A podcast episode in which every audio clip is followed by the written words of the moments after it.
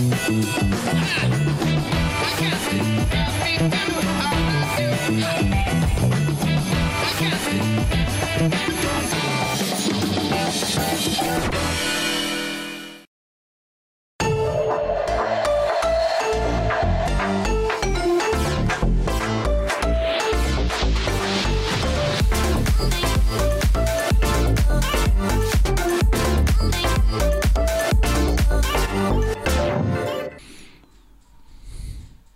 Ćao svima, dobro nam došli u Lab 76, broj 75. Hvala vam za strpljenje, ali zašto se isplati strpljenje? Pa zato što su zvezde stigle, stigao je novi Mercedes, stigla je prva Alpina u Formuli 1, no to nije najveća zvezda, najveća zvezda se brijala ili nije. Šalu na stranu, naš sponsor Philips Blade 1, to jest One Blade je tu sa nama ponovo, evo ga, a najveća zvezda od svih, kakav Ferrari, kakav Mercedes, kakva Alpina, gospodin Pavle Živković.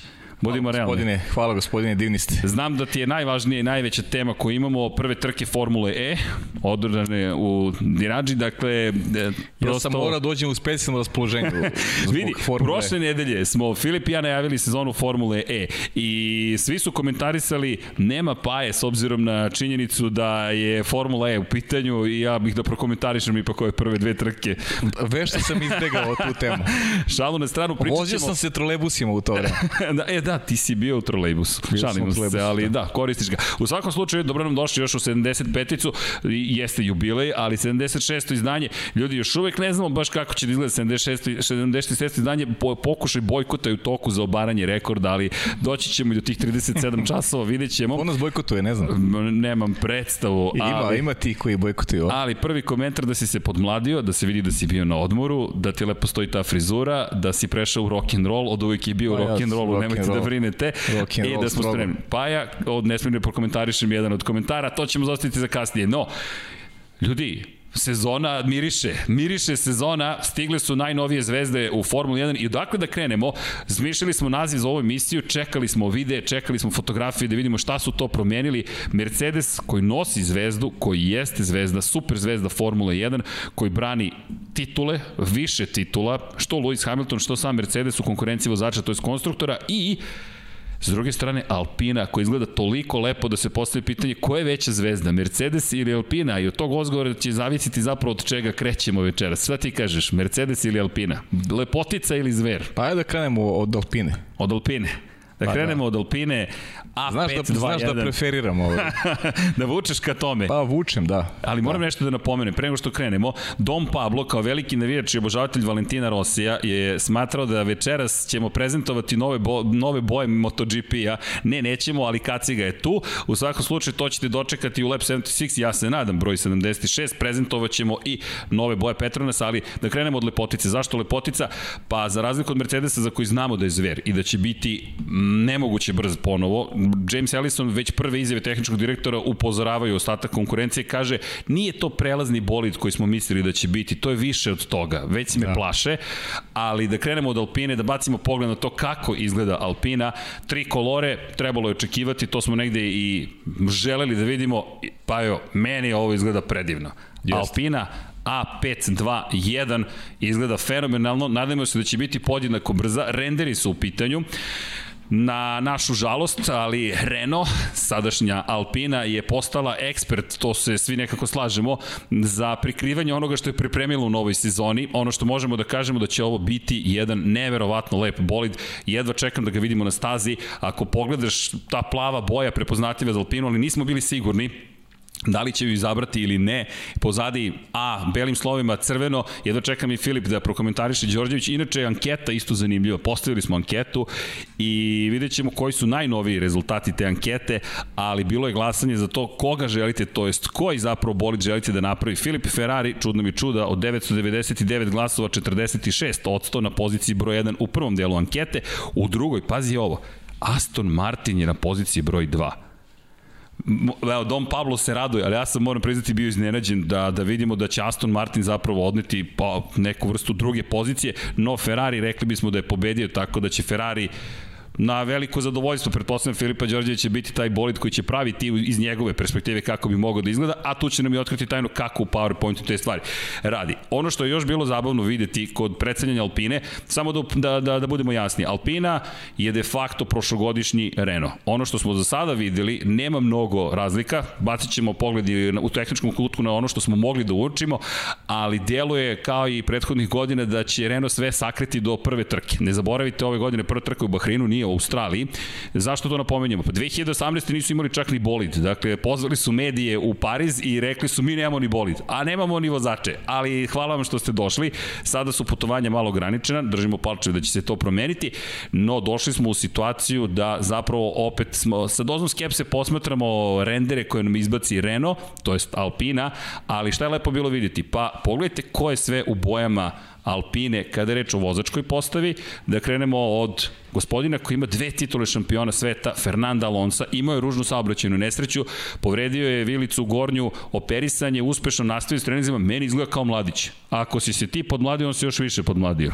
Pa da, ja se više pomladio, nema sad. Ipak, izgledaš bolje. Ne, ne, stvarno, a, a, znaš kako, a, ono što je bitno za, za Alonsa je, je neki njegov motiv, e, stav, govorili smo o tome, e, osjećaj pripadnosti koji je njemu takođe jako važan i, i sve to kod njega inicira neku energiju koju može da pretoči, pretoči na stazu. I, ja, znaš da sam malo skeptičan kad su pitanju njegovi rezultati, tome smo već govorili, ali e, ako neko možda mu omogući taj, taj komfor koji on želi e, u ekipi, to je onda, to je onda Alpina i E, ajde da, da gradimo optimizam, da obgradimo optimizam na, na, na tom nekom stavu da, da ta kombinacija Alpine i Alonsa mogu da, da, da, budu, da budu dobri.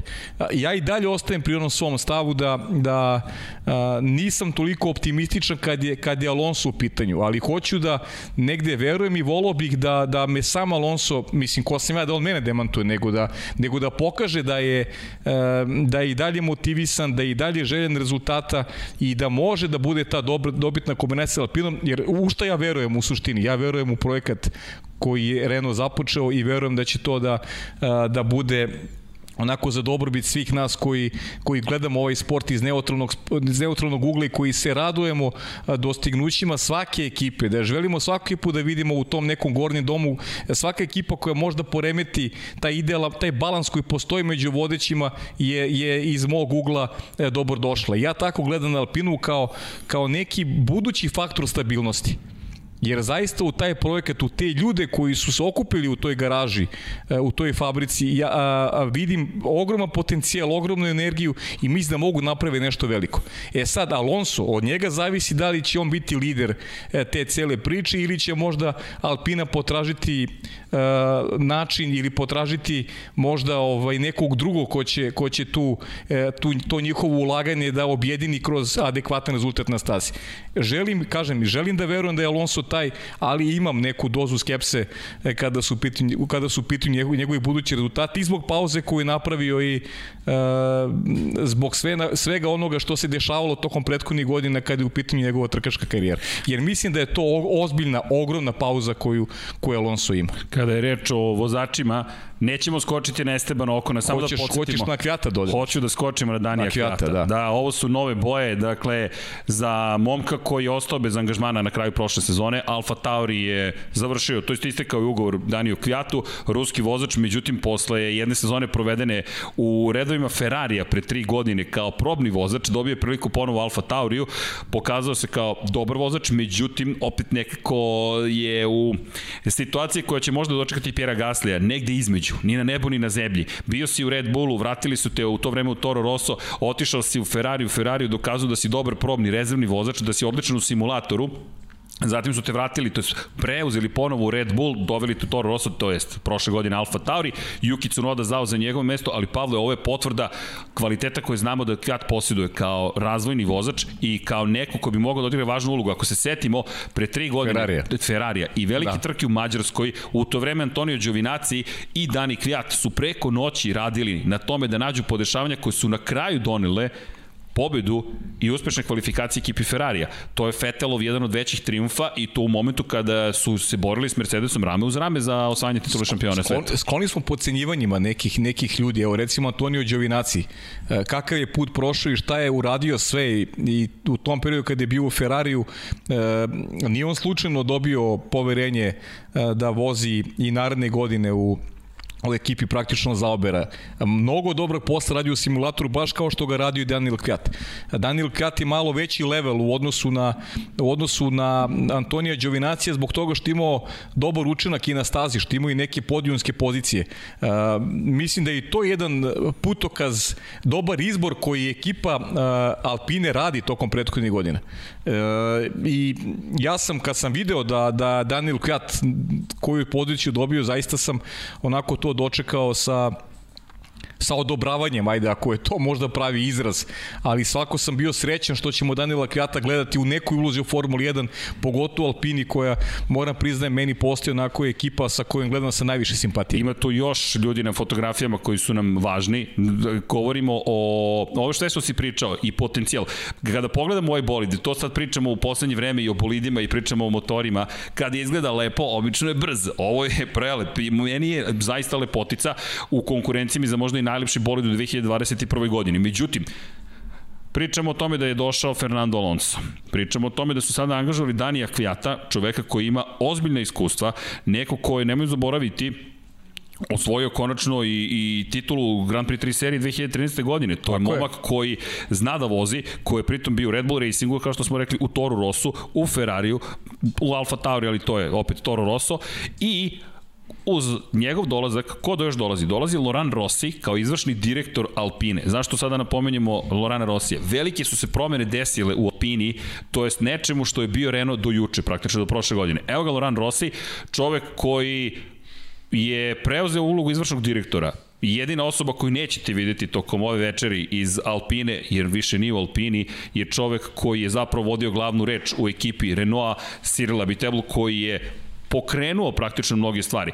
Čovek koji je zamenio tehnički deo ekipe, nemojmo zaboraviti, o tome ćemo pričati u tehničkom kutku, da ova Alpina je nasledđe zapravo tehničkog direktora koji više nije tu. Ti kada pogledaš, kažeš, aha, ovo je de facto RS 2.0, to je 20 koji smo imali prošle godine, Nick Chester je bio zadužen za njegov dizajn, ali to je praktično poslednji bolid Nika Chestera. Posle toga se menjaju stvari. Dolazi Pet Fry, dolazi Dirk Deber, zaista ozbiljan tim okuplja oko sebe praktično Cyrila Biteblu, povlači potez do dovođenje Daniela Ricarda, Ricardo je otišao, otišao je u ekipu čija je majica u Ćošku, otišao je ekipu McLarena, dakle otišao je u tim koji je, ero je, majčica, dakle u bojama koje dobro izgledaju, vidjet ćemo ko je tu bolje postupio. Kada dođemo do Mercedesa, to će biti interesantno, Mercedes opet izgleda moćno, nije da nije lep. Jedan od komentara je pa kao da li to znači da Mercedes nije lep? Ne, ne, ne, mnogo je lep, ali ovaj bolid je još lepši, makar to neko skromno moje mišljenje za sada.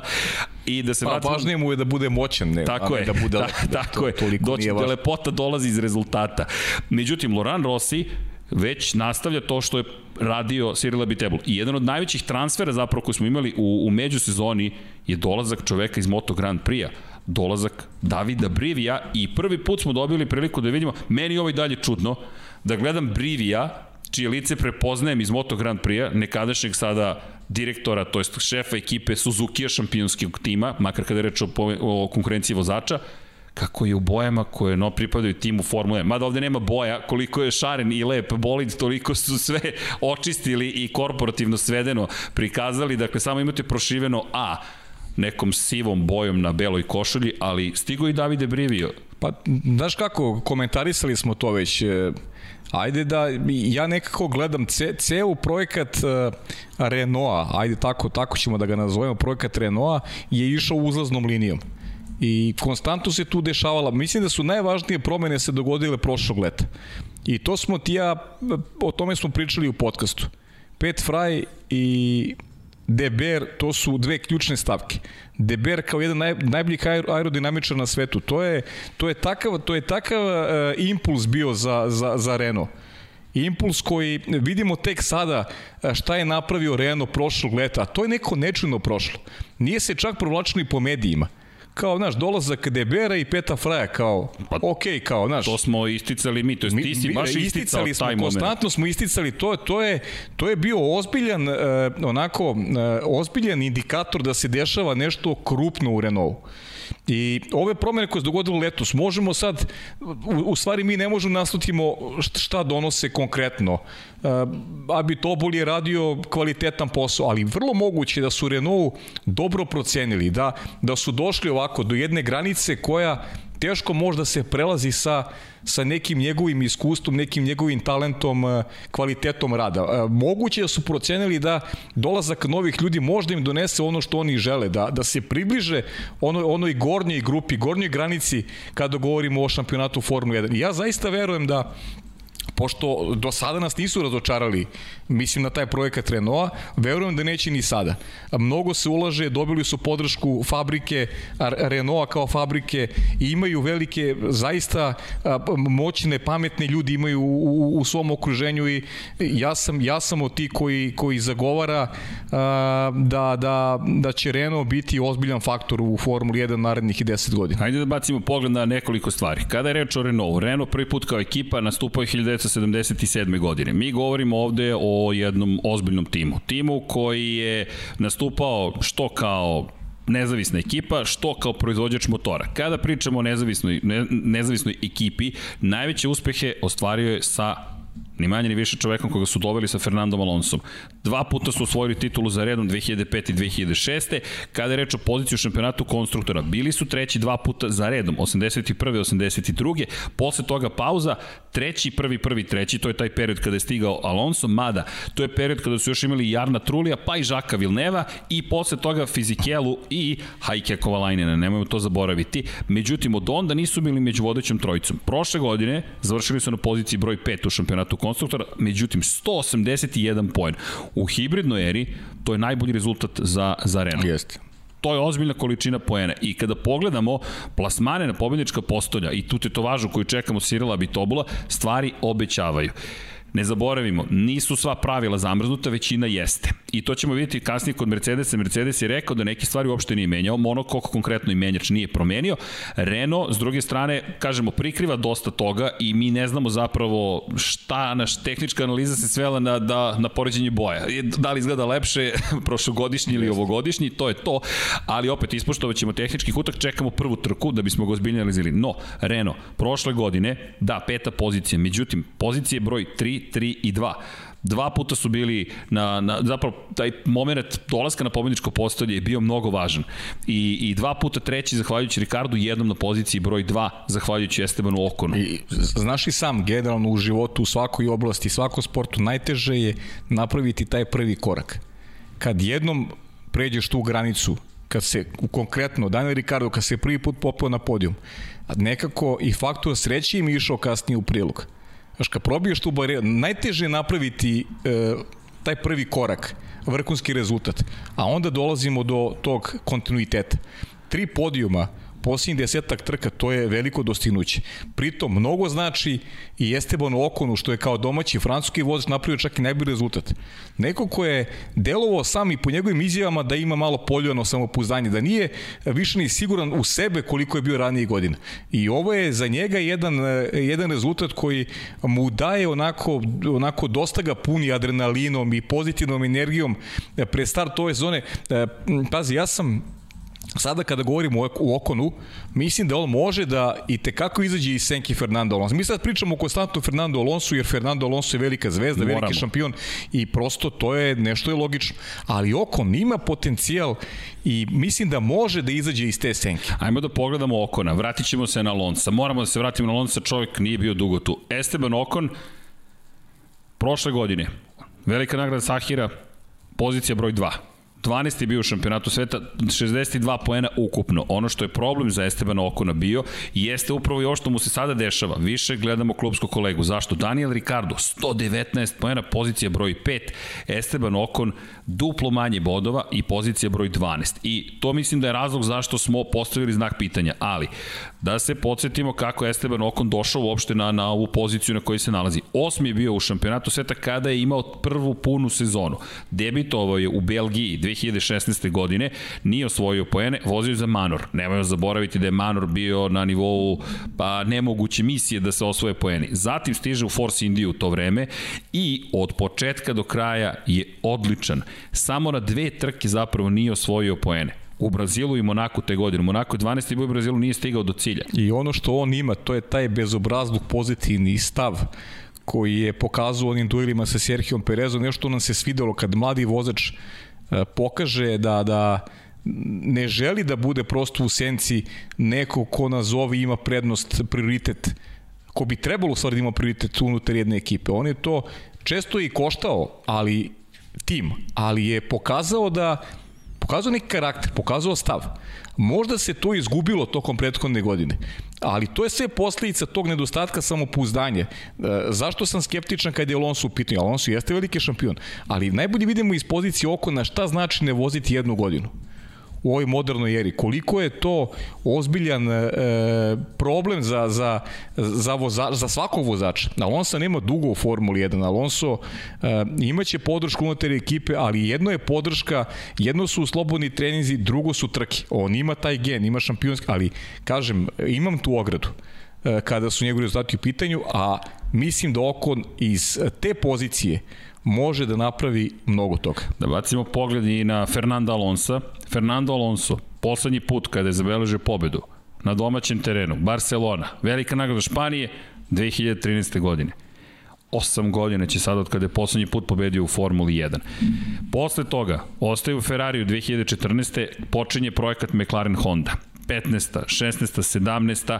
11 poena u toj prvoj sezoni saradnje. Možda je bolje videti kad je poslije put bio na podijumu, ne kad je pobedio. Pobedni pobedničko postolje velika nagrada Mađarske 2014. godine. Eto. 7 godina. Umeđu vremenu, čitam rezultate iz 2015. U Australiji nije ni započeo trku. Malezija nije završio 12. 11. odustajanje, odustajanje, odustajanje, odustajanje. 10. 5. u Mađarskoj, 13. 18. odustajanje, 11. 11. 11. odustajanje, 15. 17. Mi pričamo o Fernando Alonso, McLaren Honda. Naredne godine malo bolja situacija, ali u Australiji odustajanje, u Bahreinu ne vozi, Kina 12. 6. u Rusiji, pa povla, odustajanje 5. 11. odustajanje 18. 13. 7. 12. 7. 14. 7. 7. 16. 5. 13. 10. 10. Seti se, seti se povratka Mihala Šumahera u Mercedes.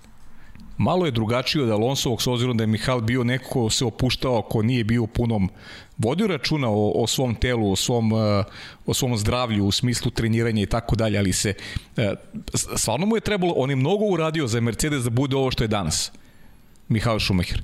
Ali kad je pitanju takmičenje, kontinuitet, neko sa 40 godina zaista e, teško može da parira u kontinuitetu, bez ozira što to mi ovako gledamo kao seo, seo automobil i vozi.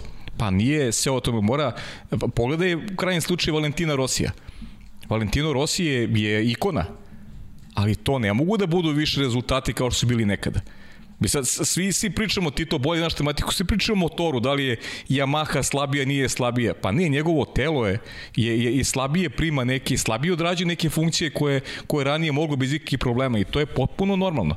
E isto tako pričamo o Fernando Alonso koji je veliki šampion, ali ja moram da stavim ogradu i da se zapitamo da li e, telo Fernanda Alonsa može više da, da, da izdrži takve napore protiv duplo mlađih kolega. Zato mi je ona fotografija toliko važna, jer ona fotografija, kada pogledate, inače Vanja, pozdrav za Vanju, Vanja nam još uvijek nije u studiju, ali nadamo se da će se uskoro vratiti, još uvijek je u karantinu, veliki pozdrav ime cele ekipe i Vanja koji nedostaje, ali tu je Dom Pablo, pa Dom Pablo, ako možemo bacimo pogled na Fernanda Alonsa i na onu fotografiju, zašto je toliko važna? Baš zato što izgleda prilično mršavo, ne kažem da je smršao ne, na način koji ne odgovara jednom vozaču Formule 1, vrat snažan, međutim, deluje kao da je smanjio masnoće u telu na minimum i da želi da zaustavi sat makar na trenutak. Dve godine je propustio u Formuli 1, uzmimo to u obzir, ali ono što je pozitivno u ovoj cijeloj priči, poslednji put kada je sedeo bolidu u Formuli 1,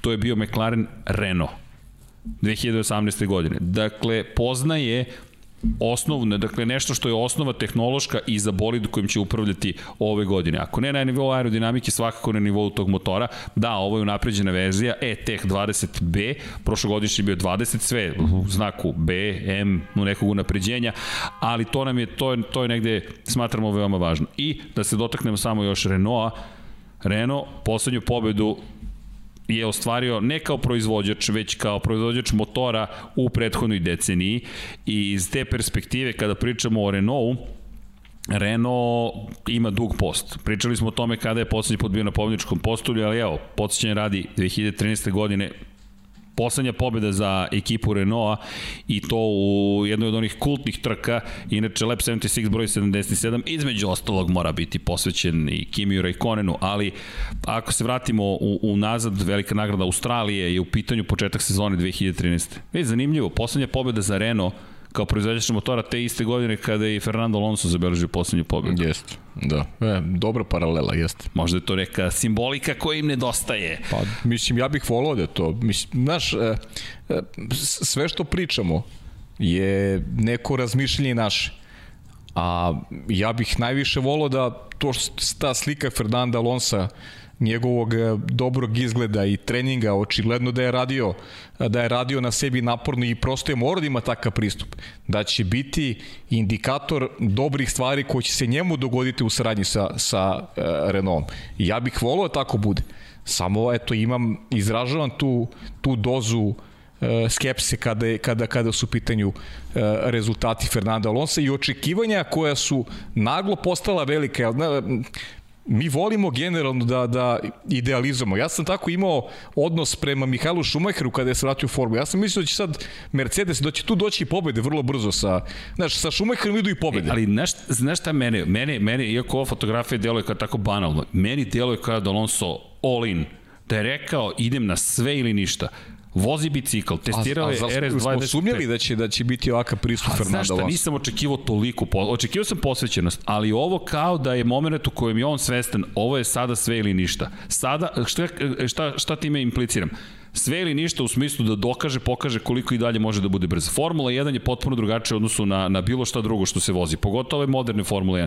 A ako pogledamo Muđelo prošle godine, 5,5 sila bočnog ubrzanja zemljine teže fenomenalno i jedno čekam da ga vidim. Mislim da će biti brži nego što, iskreno, malo mi se promenilo mišljenje među sezoni. Mislim da će biti brži nego što sam očekivao. Iskreno Super, ti to govorim. pa dobro, ja bih volao, držim volao bih da bude tako, da. I držim palče. Ali, Renault, da se vratimo, 133 pobjede kao proizvođač, čekamo ga, prelepo izgleda boli, da bacimo još jednom pogled na, na, na ovu Alpinu, izgleda fenomenalno. Ok, Alpina rekao bih da je spremna i da ako ništa da. drugo privlačit će pažnju. Zaista izgleda sjajno. Da. Jedva čekam da vidim. Nisam sumnjao da će izgledati oko vizualno lepo, volim. onako. Francuzi imaju stila. Imaju stila. Imaju da. stila. Bacimo posle pogled na poređenje između prošlogodišnjeg i ovogodišnjeg modela, ali idemo sada na zver. Na, na nešto što si ti lepo opisao, pravu zvezdu Formula 1, moćni Lewis Hamilton u moćnom bolidu, čovek koji ove godine juri neke neverovatne rekorde. Tako je. Juri osmu titulu šampiona sveta u pojedinačnoj konkurenciji. Mercedes juri osmu uzastopnu šampionatu konstruktora. Ovo je blago zagrevanje. Vidjet ćete posle još fotografija I ono što na prvi pogled možemo da odmah da kažemo za ovaj W12 bolid F1 W12 Petronas je sve istaknuti kao sponsor. Jeste. To je jasno kao dan. Ineos je sve istaknuti kao sponsor, nemamo zaboraviti tehničko-tehnološki partner, jedan od zapravo shareholdera. A, možda i najvažniji. Možda i da. najvažniji. I ono što je zanimljivo, AMG je sve veći i veći, zvezde su nestale sa pokrova motora, ovo je bolid koji pripada Valteriju Bottasu, ovo su renderi, ovo je bolid koji će voziti Lewis Hamilton, izgleda i lepo, ali izgleda pre svega moćno. Evo je ta zvezda prepoznatljiva Uh, moram ti reći da zastrašujuće deluje iz ove perspektive, ovaj bolid ponovo deluje zastrašujuće. I izjava Jamesa Ellisona da su zapravo stvorili bolid koji nisu planirali i da je moćniji nego što su očekivali već sada, ako ništa drugo, šire strah i s razlogom rekao pa bih da šire to, strah. To, da, može da bude lepa propaganda. Pazi, ja mislim da su napravili, šta god da su napravili, mi bi rekli da izgleda moćno. Jer je to zostavština prošlosti. Mercedesove prošlosti, ovo pričamo i deseta godina, kada su pokrenuli projekat i iz godinu u godinu su sve dominantni. Mi nemamo sumnju uopšte da, da, da, to, da je to zaista zastrašujuće da je to bolid e, maksimalno spreman da ponovo bude dominantan. I ono što je pitanje svih pitanja, kakva je konkurencija? Jer mi za Mercedes znamo da će biti bolji u odnosu na prošlu godinu. Oni su imali te, uvek su te uspavanke su širili kako nisu sigurni. Evo sad su, sad su prvi put promenili pristup, pa pričaju o tome da su i sami pričaju da su napravili moćan bolit. Ali stalno je bila neka, neka uspavanka sa njihove strane, te ne znamo, te konkurencija je sjajna, mislim da, da nismo dobri i tako dalje i tako dalje. E, samo je pitanje kakva je konkurencija. Mislim da čak tema Mercedes ne treba da bude kao tema ozbiljno razmatrana, jer oni uvek posao odrade na najbolji mogući način. Samo je pitanje koliko su rivali spremni da odgovore na pravi način da se približe onome što su njihovi e, tehnički zahtevi, što su njihovi, njihovi standardi koji su postavili prethodnih deseta godina, oni su zaista na najviše mogući nivou. Ovo izgleda zastrašujuće. Meni izgleda zastrašujuće kad gledam ovaj bolid i ta boja A izgleda, i, izgleda i lepo generalno. Da, lepo lepi, i zastrašujuće. Mislim. Lepi. Crna boja je ono dominantna, lepa boja, mislim lepo upakovano kada govorimo o nekom vizualnom uh, momentu. Mercedes je inače potrudio jedini od timova koji je rekao, ej čekajte da vam pomognemo, to ćete vidjeti u tehničkom kutku, da vam napravimo mi zapravo koje su to promene u odnosu na prethodnu sezonu i da, da vam olakšamo posao kada je reč o grafičkom dizajnu. Bogdan i ja se zahvaljujemo. Bilo je jednostavnije pripremiti tehnički kutak, ali da se osvrnemo na, na briljantnost koju Mercedes posjeduje u, u, u Formuli 1 kada pogledate rezultate i kada pogledate šta su zapravo sve učinili do sada, postavlja se pitanje šta dalje za Mercedes? Samo da napomenemo, ovo je od hibridne ere, od 200, 2014. 701 poen u šampionatu konstruktora, 703 765, 668, 655, 739, 573. Tih godina na poziciji broj 2 U šampionatu konstruktora Red Bull, na primjer, 405 poena. To je 2014. 2015. godine na poziciji broj 2 428 poena Ferrari. 2016. kada su osvajali najveći broj poena, kada je Mercedes potpuno dominirao 468 Red Bull. Ko prebaci 500 poena u Formuli 1 na poziciji broj 2, ovog ne znam da je teoretski moguće taj uspe. Evo, Ferrari 522 2017. godine je uspeo kada je Mercedes imao samo 668 poena. 665 da. naredne, Ferrari 571. To je ta 2018. kada su imali šansu, veliki povratak 2019. zapravo, bez obzira što je Ferrari tada u jednom momentu bio baš moćan, 504 poena i prošle godine skraćeno skraćena sezona, malo preko 500 poena su uspeli da osvoje, malo, 573, na poziciji 2 Red Bull sa 319. Sedam titula za redom, neprevaziđeno nešto, niko još nije ostvario takav uspeh. Čak ni Ferrari u eri dominacije Mihaela Schumachera nije imao više od šest uzastopnih titula u šampionatu konstruktora. Jednostavno, istorije se piše, kada je reč o broju vozača, malo ih je. U ovoj novoj eri koja počinje 2010. Nemoj zaboraviti od 1955. do 2010. Mercedes nije bio u Formuli 1. Michael Schumacher i Nico Rosberg. Dakle, jedan čovek koji je osvojio sedam titula. 91 pobedu ostvario, Nico Rosberg koji ima jednu titulu. Njih dvojica su zajedno vozili tri godine, zatim Rosberg, Hamilton – Rosberg Hamilton, Rosberg Hamilton, Rosberg Hamilton i onda Hamilton Bottas, Hamilton Bottas, Hamilton Bottas, Hamilton Bottas, ovo je peta sezona saradnje.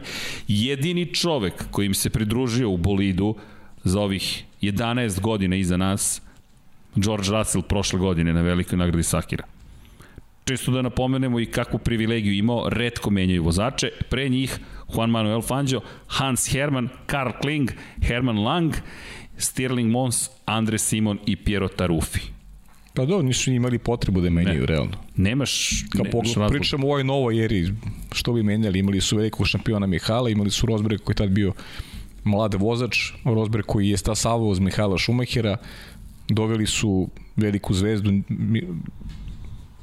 naravno Luisa Hamiltona, oko njega gradili neku budućnost i to je to. Ali ono što opet ti kažem, ja stvarno smatram da je Mercedes prva zvezda Formula 1 već godinama unazad. Da Ne želim da umanjujem značaj i uspeh Luisa Hamiltona, naprotiv. Luis Hamilton je veliki vozač i nije se slučajno našao u bolidu Mercedesa. U krajnjem slučaju on je, znamo u to vreme, preuzeo i dozu rizika. Sad ko priča da je to logičan potez Luisa Hamiltona, pa i nije. Tada preći iz McLarena koji je odličan tim koji je njemu dao pobednička ekipa. pobednička ekipa, on je prešao u Mercedes, on je preuzeo rizik na sebe. Ali I, tu je Niki Lauda pomogao. Tako je, ali ta pomogao mnogo. Iskuplja benefite tog rizika.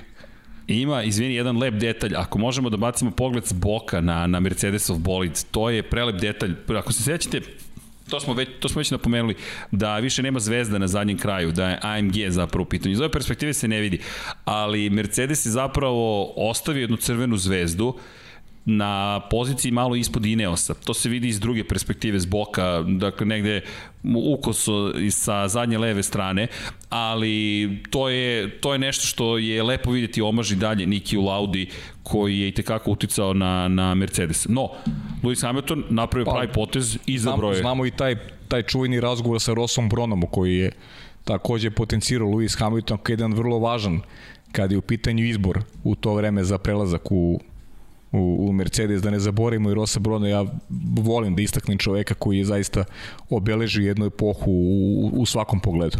Uzbudljivo, u svakom slučaju kada pogledaš kako sve ovo izgleda i, i, i, i šta rade i šta spremaju, uzbudljivo. Šta, šta je proces srđana ispostavilo se kao najbolji mogući proces kada govorimo o dominaciji ekipa? Napraviti ljude, ono što sada radi Alpina. Pa da. Na, okružiti se ljudima koji znaju svoj posao. I onda izabereš pravog vozača. Pravi vozač uh, će da vas izabere kada je prepozna tu energiju, e, kada spozna da radi, da će sarađivati sa ljudima koji znaju svoj posao gde će njegov uloga biti samo da sedne u taj projekat koji je napravljen, u taj bolid i da pokaže e, ono što su njegove kvalitete. A to je Lewis Hamilton u tom razgovoru i sa Nikijem Laudom i sa Rossom Bronom jako dobro prepoznao. Pavle. I, imao kasnije naravno i tu sreću da, da, da ubira plodove, kažemo, onoga što, što je bio zajednički rad. Trenutna pozicija na spisku večitih prva, 95 pobjeda čekamo 100 pobedu, praktično je čekamo. Pol pozicija 98, najbržih krugova 53, to su sve rezultati koje je ostvario Lewis Hamilton, pogotovo u ovoj eri. Prošle godine gotovo nezaustavljiv manje više triumfovo na svakoj trci. Da, imali smo ih manje prošle godine, na kraju dana smo sveli sezonu na 17 trka, 16 ih je vozio, ali ako pogledaš sa izuzetkom početka sezone i, i Kiksa u Italiji, sve gotovo bilo savršeno, dakle, konstantno na pobedničkom postolju. Tri pobede za redom za početak godine, pa drugo mesto i za Maxa Verstappena u Britaniji, pa dve pobede, pa sedmo mesto, pa još jedna pobeda, pa treće, pa pet pobeda za redom, pa dolazi Sahiri na poziciji broj 3 u Abu Dhabiju i iz te perspektive 11 pobeda samo u prethodnoj godini.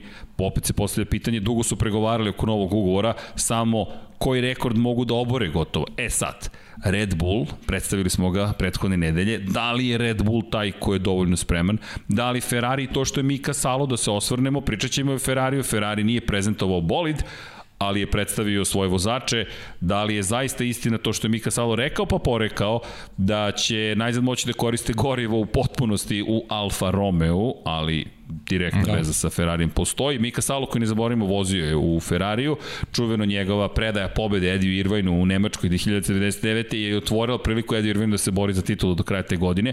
Propuštena jedina šansa da dođe do pobede za Miku Sala, ali ok, Finec je uradio svoj deo posla i sada je to izjavio, onda je rekao, ne, ne, ne, to je bio razgovor između dva prijatelja koji je čudno prenet.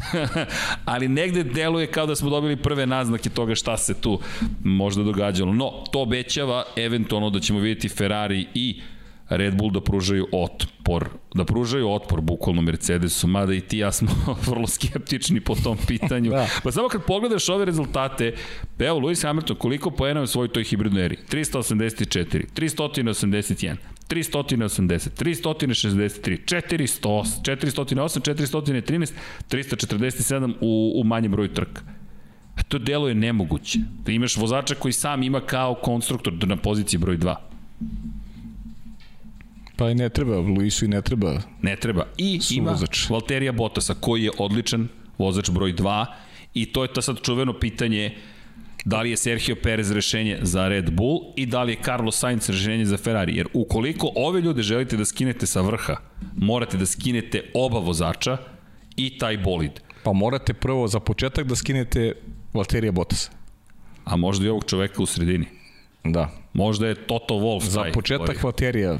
To je ono što je priznao Toto Wolff, što smo i govorili negde tokom a, a, svih ovih podcasta, pa svih ovih godina kada je došao Valtteri Bottas, da on a, pod pritiskom reaguje. Obrati pažnju, svake godine, možda i Mercedes treba da produži taj termin kada mu nudi novi ugovor na godinu dana. Onog momenta kada potpiše novi ugovor, on kao da se ugasi. Kao da su sve ambicije zadovoljene time što je potpisao novi ugovor uvek dobro funkcioniše ako se sećaš u startu sezona i tu, tu nam uvek e, izgleda kako Botas može i onda ga oni onda mu oni na- nagrade ga sa novim ugovorom on potpiše Ali možda je to i cilj. i čovek pa moguće Možda je da, to i cilj. moguće da Znaš, možda je to i Pa cilj. to je moguće Ne ta igra želiš- Tota Ali Wolffa, Toto da. Wolff ni ne krije to. Ne želim buru u svojoj ekipi. Želim fokusiranu ekipu i to, to je baš dobro. Dobro su opisali taj pristup. Nema uslovno rečenog glupiranja. Mi se igramo, ali kako? Tako što ćemo raditi prvo sve da pobedimo, pa da. ćemo onda da se bavimo igrom. Evo ti novi ugovor, smiri se.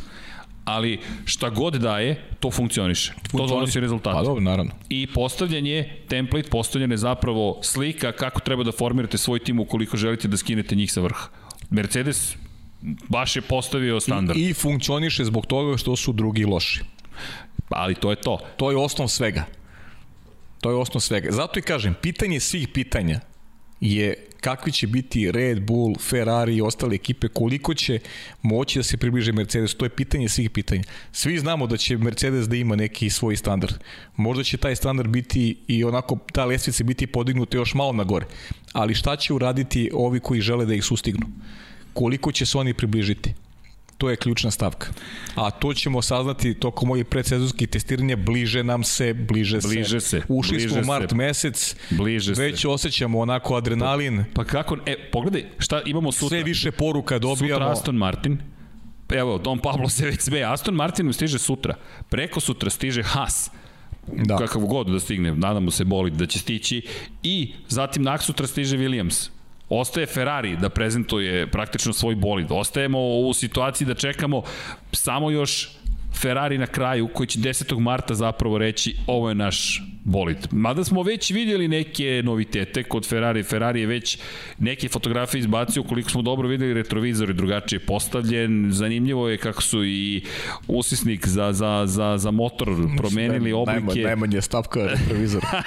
e, vidi, ja, znaš kako, mislim da smo došli od toga svaki detalj, ali dobar je komentar, da, najmanji problem je retrovi. Nemaju koga da vide, šta. Ti ali šalu na stranu, da, Mercedesu je potreban možda A retrovizor. Mercedes su potrebno, da. da. Mada i to ne dugo, Bilo bi lepo krugova je to da već i. Ferrari da Leclerc često gleda ili Sainz da često gledaju Da, retrovizor. da, ali eto, Mercedes koji deluje stabilno i mislim da Toto Wolff radi koliko god nama bilo predvidivo i zahtevno da kažemo, ej ljudi, promenit će se stvari u 2021. godini. Mercedes kada vam predstavi bolid i onda James Allison izađe i kaže, pa znate šta, mi smo hteli jedan prelazni praktično model, ali smo onda shvatili usput da možemo da napravimo. E, ne zaboravimo, oni su praktično u septembru prestali da se bave bo- bolidom za 2020. godinu. Oni su počeli da pripremaju bolid za 2021. dok su svi ostali pokušavali da osvoje poene, dođu do pobjedničkog postolja. Mercedes je rekao, pa hajde mi da se bavimo nečim drugim. Doći ćemo do tehničkog kutra gde ćemo pričati o tome na šta su potrošili žetone, niko ne zna inače, ali kako izgledaju i detalje na tom bolidu. No, idemo dalje. Valtteri Bottas, ajmo da ispoštujemo Valterija Bottasa. Ne možemo, ne mogu kažem, ipak idemo dalje tek tako. Valtteri Bottas u poslednje četiri godine, od kada je stigao u Mercedes, imao je čudne godine. 2017. treći u šampionatu sveta, 2018. peti. Nemoj zaboraviti, on je bio peti. Tu je postavljeno najveće bilo pitanje njegovog uspeha. Nije zabeležio triumf, mada istini za volju. Imali smo onu situaciju u Rusiji kada je propustio praktično pobedu Lewisu Hamiltonu, pa vice šampion dva puta za redom. Nije da je Bottas imao tako lak put ni kroz karijeru vozača Mercedesa. U prvoj godini rekao mnogo je teže nego što sam mislio da dođem do dobrih rezultata, a zatim je imao ozbiljan problem u godini broj 2. Ispred njega ne samo Sebastian Vettel, koji se bore za titulu, već i Kimi Raikkonen, koji je bio na poziciji broj 3 za Ferrari te godine, i Max Verstappen, koji u Red Bullu uspeo da mu otme tu poziciju na poslednjoj trci sezone. 249 pojena nasuprot 247. Tako da ove vice šampionske pozicije možda nama izgledaju kao nedovoljno, s obzirom na činjenicu da ne ugrožava Luisa Hamiltona, ali za Mercedes, on samo u poslednje dve godine je vice šampion. Pre toga nije bio vice šampion. Kada pitate zašto kritikujemo Botasa, ako ste vi peti u najboljem bolidu, ako ste treći u najboljem bolidu, ne radite svoj posao. Čak možda eto zaslugi i treba da dobije za ono što je učinio prethodno. Pa ne, on, on radi posao. Sad radi, da. On radi, pa ne, on je uvek radio posao. Pa da da, i u 2018. u Monciju radio pa posao. on je uvek radi, on je uvek radio posao za nekoga.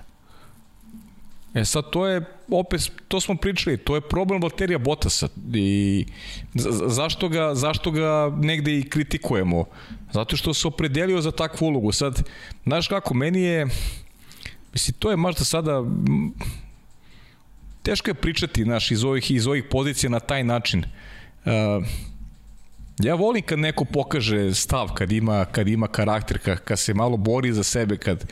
To ono što si rekao za znaš, Okona. Pa da, to je, prosto to kad vidiš takvu vrstu energije, to je kao, znaš, Daniel Ricardo, idem, idem dalje, hoću da budem negde broj 1, hoću ja da se borim za sebe, hoću da se borim za titulu, to mi je, to mi je neki cilj. Neću da budem u senci nečije.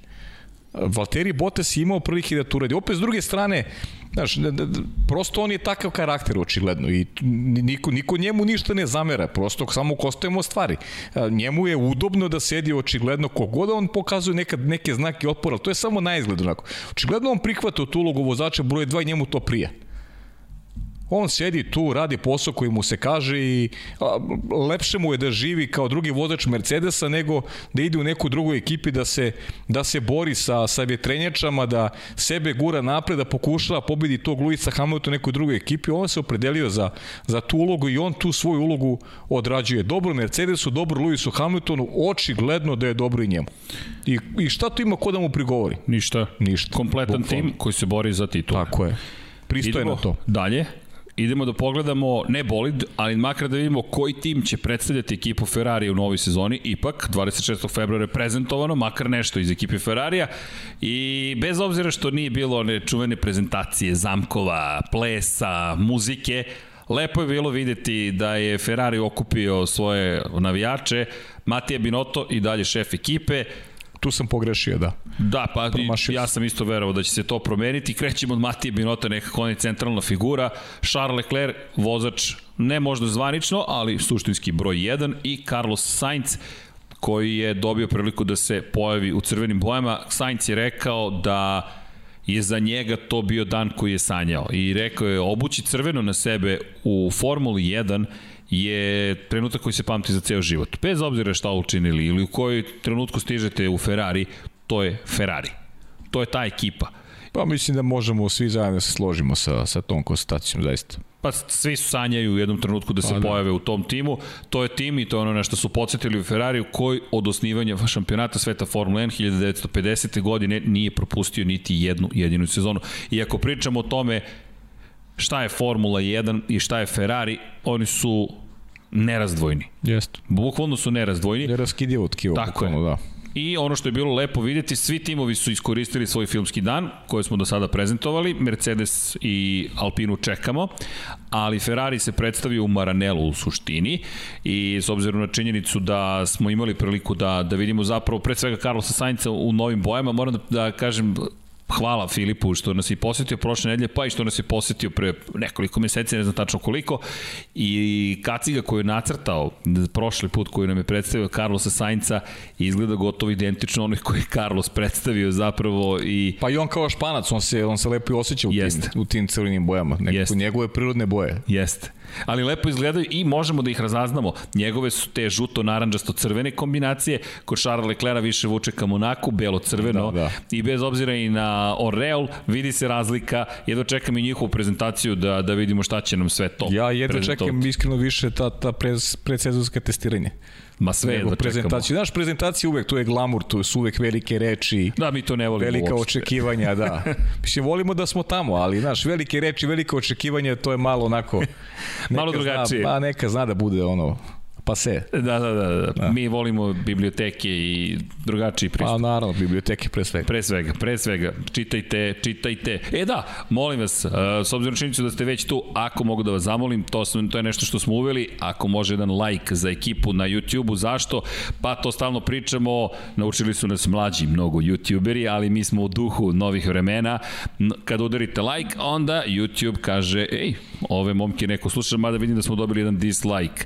E, tužni smo zbog toga, ali, ali dobro. Pa, Nije ni u redu kad si kad, kad nas svi vole. Pa to je. Da, to, to neko, nešto nije u redu. Pa nije u redu kad nešto svi vole nije, nije u redu. Nije. Ali ako možete eto like i onda nas YouTube pogura, a i generalno zabavno je. No, da, tako smo se zabavili u petak, moram ti... E, moraš da nam dođeš u 99 yardi. Nema nikakve veze da li znaš američki futbol. Ne znam, Zabavno. ja, znaš da ne znam, ali ajde, ako ali, ćemo da se zabaviti, ako, ako ja doprinesem boljem raspoloženju, onda će... Ti uvijek doprineseš boljem raspoloženju. E, moram ti priznati da si mi nedostajao. Čudno je, jer je to ono što smo pričali već. Pa, da. Nekako dođe utorak, to je dan za druženje sa Pajom. Jeste, jeste, ali evo sad nećemo da propuštamo, sad smo tu. nećemo da propuštamo. Nećemo da propuštamo druženje, da. Da. Trebalo je malo, malo lufta, je, ovaj, malo rikvrce je treba bilo neophodno. da, u svakom slučaju da dobro izgledaš. Dobro izgledaš. Hvala ti, hvala da. ti. Taj odmor, ali nema više. Nema, Neću, nema. Stiže sezona, potreban si studiju, o. tako da, da se zabavimo. To je odmor, to je prevaziđena stvar, ko odmara. Ko odmara? Pa, nema potrebe. I to je pase. Pa i to je, I to je pase. Vidi, ja se nadam da u Ferrariju nisu odmarali, odmah da znaš. S obzirom na činjenicu da mi zaista potrebno da ne odmaraju. Potrebno je da nešto urade u ovoj sezoni. Pa da, oni su, oni su morali da budu aktivni. To je ono, oni su uvijek odmarali. Znaš, on, onaj, onaj među deo sezone kad, kad ti ja odmaramo, kad odemo malo ono, čisto da malo vidimo i kako more izgleda, čisto da ne zaboravimo taj osjećaj. Planine, more. Tako je, izgleda da su oni to radili isto, isto što i mi. Misliš I prethodnih si, godina. I to su, tu su gubili trku sa Mercedesom jer su previše Bela odmarali. Italija. Da. Jeste, pa vidi, jest, nije lako jest. skoncentrisati se, Tako je. ali mislim da im je potrebno bilo da se skoncentriš ove sezone. Nije ovo godina u kojoj ćemo vidjeti, da smo rekli velike promene, međutim ono što se postavlja kao veliko pitanje jeste nešto što, što će Ferrari učiniti, što je suprotno svim najavama, a to jeste velika promena kada reč o snazi motora i sve najave Ferrarija govore u prilog tome. Šta god da su se dogovorili sa Međunarodnom automobilskom federacijom, da podsjetim, imali su dogovor, tajni dogovor, na kraju 2019. je saopšteno početkom 2020. Kratko saopštenje, mi smo se dogovorili, to izdala FIA, dogovoreno s Kuderijom Ferrari da se više ne bavimo tom temom, to zaključili smo istragu i sankcije će biti primenjene. Koje sankcije? Šta ste, zašto sankcije? Šta je učinjeno? Niko ne zna i taj ceo tajni sporazum je krajnje problematičan sam po sebi. Gde je ta čuvena transparentnost ili ti transparentnost po potrebi? A onda se događa da cijele sezone Ferrari se ne muči, već ne liči na ekipu Ferrarija. I ne samo Ferrari, već svi korisnici Ferrarijevih pogonskih jedinica, što negde svi smo našli dosta jasnu korelaciju. Dogovor, loše performanse. Znaš šta je dobro? Što oni i sada pričaju da neće mnogo razvijeti boli za 2021. godinu. Oni i sada pričaju o tome. Pokušavaju konstantno da nas uvere da se oni pripremaju za 2022. I možda iz te neke nazovi pasive, možda se iza toga valja nešto, nešto dobro. Sad, e, ne verujem da to možda bude dovoljno dobro da sad Ferrari ove godine bude bolji od Mercedesa, ali da gledamo interesantnije trke, da se Ferrari uključi ravnopravnu borbu za po neku pobedu u sezoni, da to radi i Red Bull, to je već nešto što želimo da gledamo, da Alpina bude dobra, da naravno Sebastian Vettel u jednoj novoj priči takođe e, poremeti taj neki balans koji postoji, koji je ustanovljen ove godine, da, tačni prošle sezone, da gledamo još zanimljivije trke. I na, mislim da Ferrari ne može da bude gori. E, to je nešto na čemu ja mislim grad optimizam na jači Ferrarija, da ne može da bude gore. A koliko će biti bolje, mislim da će sigurno biti bolje, koliko je, to je veliko pitanje. Zanimljivo je ono što spremaju za tu 2022. godinu. E sad, ono što je veliko pitanje jeste kada dođe do zamrzavanja, zamrzavanja motora, to je neko pitao šta to znači. Kada dođe do Da, pričali smo već zapravo da, ajde. da, da kada dođe zapravo do toga da nema više razvoja motora, da dolazi do toga da je zaustavljen svaki razvoj. To zovemo zamrzavanjem. Dakle, zamrzavanje razvoja dalje, kada stupi na snagu, narednih godina, do kraja 2025. godine, će ti motori biti jedini koji će biti korišćeni. Dakle, sve što učinite do tog momenta, u okviru priprema za 2022. će biti nešto što će vas nositi narednih x godina. Jer pitanje je i taj sporazum kada se završi, da li će se zaista tada završiti, zašto? Pa već ste videli koje smo pomeranje datuma imali. Sve ovo što sada pričamo, je nešto što je trebalo da zaključimo prošle godine i u 2021. da vidimo te nove bolide, novu Formulu 1. To se nije desilo. Mi sada smo u situaciji da to odlažemo se, odložili su 2022. Međutim, od 1. januara svi imaju prava da razvijaju bolide i motore za 2022. Jedna od priče je navodno bila da će čak koristiti i motore za sledeću godinu. Međutim, ono što takođe je zanimljiva informacija, Essential Sports je pripisao tome da navodno Ferrari Ferrari priprema razvoj motora koji će podsjećati na Mercedes. Ako se podsjetimo te čuvene priče o turbokompresorima i ako imamo turbinu, pokreću je izduvni gasovi, na istoj osovini je kompresor koji komprimuje vazduh i zatim komprimuje vazduh ubrizgava u komoru za sagorevanje, mi dolazimo do toga da taj sistem gde su spojeni turbina i kompresor će prestati da postoji kod Ferrarija. Ferrari od 2014. odbija da krene putem kojim je krenuo Mercedes. Mercedes je još tada kompresor pomerio napred i samim tim smanjio temperaturu kojoj je izložen kompresor, s obzirom na činjenicu da nije blizu turbine kojom, očigledno, kao što smo rekli, upravljaju praktično izduvni gasovi. Mercedes je napravio ogroman napredak te 2014. to je 2012. kada je počeo razvoj tog motora. Honda je krenula tim putem takođe, Honda imala Ferrari, to je imala isto rešenje, zatim je na pola rekla ovo ne funkcioniše, hajmo da pomerimo kompresor napred. E sad, to nije tako jednostavno, tek tako pomerite kompresor napred, vi menjate kompletnu strukturu jednog moćnog miniaturizovanog sistema koji iz 1600 kubika treba da nam isporuče preko 800 konjskih snaga To je neverovatna nauka i inženjerija. I mi govorimo o tome da Ferrari navodno razmišlja o tom potezu sada, možda i poslednja prilika, jer ukoliko je to zaista ono što odvaja Mercedes od ostalih i dan danas, tih koliko god postotaka, Ferrari onda možda mora čak to da učini. Sad vidjet ćemo, saznaćemo, nadam se da dalje to istina ili ne, to saznate obično kada prvi put skinu pokrov motora i kažete ok, da vidimo mi šta je tu ispod, ili nažalost kada se desi neki incident pa se svuče oplata i kažete aha, ok, to se krije ispod. U svakom slučaju Ferrari bolje bi mu bilo da je spreman, ono što je spremno su vozači, Carlos Sainz je rekao da ne očekuje nužno da će biti brži od Charles Leclerc u prvoj godini, ali svakako mu nije cilj da vozi iza Leclera, već da se kao i svaki vozač bori za to da bude najbrži. Ferrari v management, to jest Matija Binotto je rekao, nema ovde broja 1, na osnovu rezultata ćemo pružati podršku nekome ili ne. Obilo im se o glavu to što nisu baš bili načisto ko je broj 1, ko nije broj 1 i kada smo imali veterane, konkretno Sebastijana Fetela kao četvorostruku šampiona sveta i Kimi Raikkonen kao šampiona i poslednjeg Ferrarijevog šampiona i u toj situaciji gde su imali jednog veterana, Fetela, zajedno sa mladim momkom, Charlesom Leclerom, sada imaju jednu od najblađih postava Međutim, ono što je fascinantno, nemaju šampiona u svojim redovima. Dolaskom Carlosa Sainca prestala je era u kojoj je Ferrari uvek imao jednog šampiona u svojim redovima.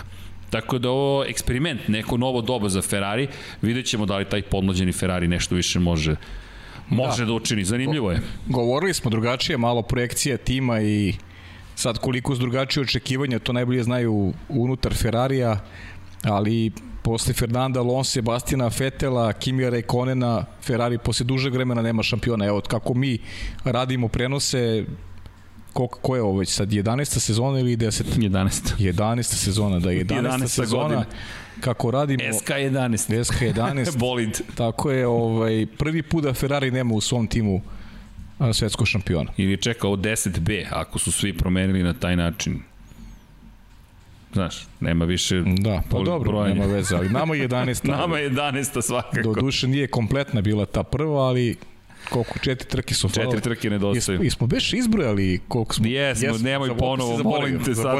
Pa da. vidi, za, ti imaš ti imaš skoro 200 trka Formule. Da, 200, još, još nisam do te brojke, ja ću da izbrojim to, i buduću, buduću evidenciju sad. Ne, kada, kada, dođemo, kada dođemo do toga da si imao više trka koje si prenosio nego koje nisi, e onda to je pobeda. Ne, ne, ja, ja sad, ja jurim Kimi Rekoen. da, ti juriš Kimi Rekoen. Jurim Kimi Rekoen. Ali ne da ti se Kimi, ne Kimi neće u penziju. Neće. Ne zanima ga penziju. Ima si, onih par, ima si jednu godinu bez Kimija i to ti je bilo to.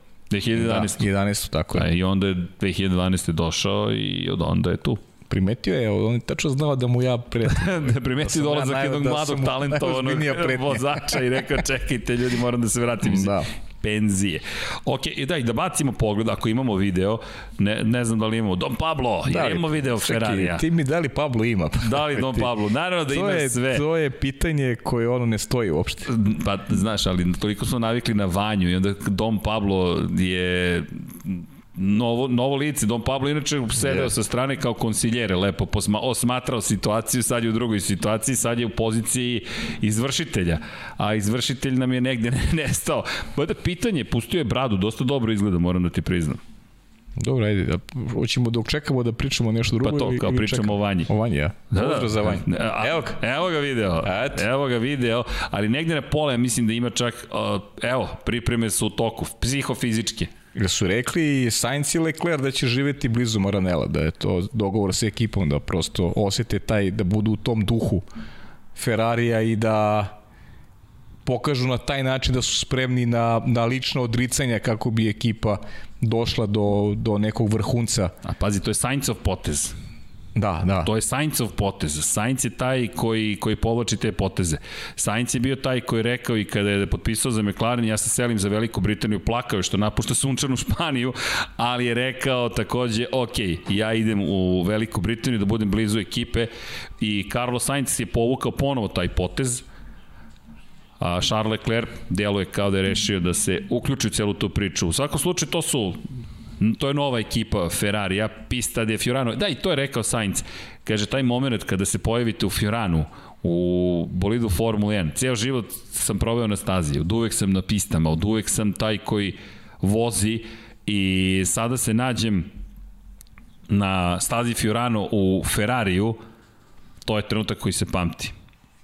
I verujem da će, da će pamtiti taj trenutak. Ovo je inače promotivni video čini mi se za Charles Leclerc, Leclerc koji je već tu čovek koji zna šta treba učiniti. Inače neko je rekao da bi se život... O, dobili smo i zvuk. Idemo. Nadam se da čujete ovaj zvuk. Malo da se podsjetimo. Dobro ovo zvuči. Dobro ovo zvuči, ali ne zvuči daju... zaboravljeni zvuk. Zaboravljeni zvuk, ne daju dosta, ne, daju mnogo zvuka, ne žele da previše otkrivaju stvari, ali okej, okay, lepo je ovo videti. Ne, lepo je ovo videti u svakom slučaju. Dakle, mi kada govorimo o Ferrariju verujemo duboko da, da neće ponoviti neuspeh iz prethodne sezone i lepo je videti ovakve kadrove već sada, zato što znamo da miriše na sezonu. Proleće stiže, Formula 1 stiže, ali idemo dalje.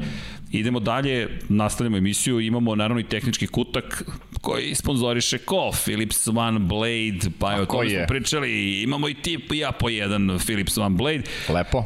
Pa jeste lepo, moram ti priznati. I... Samo za razliku od tebe ti redovno, za razliku od mene ti redovno koristiš. Ali sad znaš, trimujem na 1 mm. A, bravo, bravo. Da, da, da. Ne znam da li čuješ. Čuje se, čuje se. A, čuje se, to je ta brada od jednog milimetra.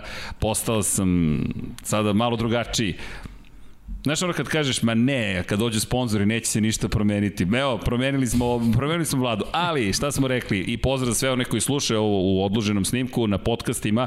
Inače, pozdrav, ja moram pre nego što nastavimo sa ovim promotivnim delom priče, mada za nas ovo pre svega zabava, stigo nam je, stigo mi je mail, moram ti priznati, i to ovo je tema koju moram, sam ću da otvorim sebi temu, iako Ivan je tu i vjerojatno će reći za o, o zašto, a ja verujem da znate koja tema dolazi. Da, mogu da zamislim. Da li znaš koja tema dolazi? Večita tema. Večita tema, majice.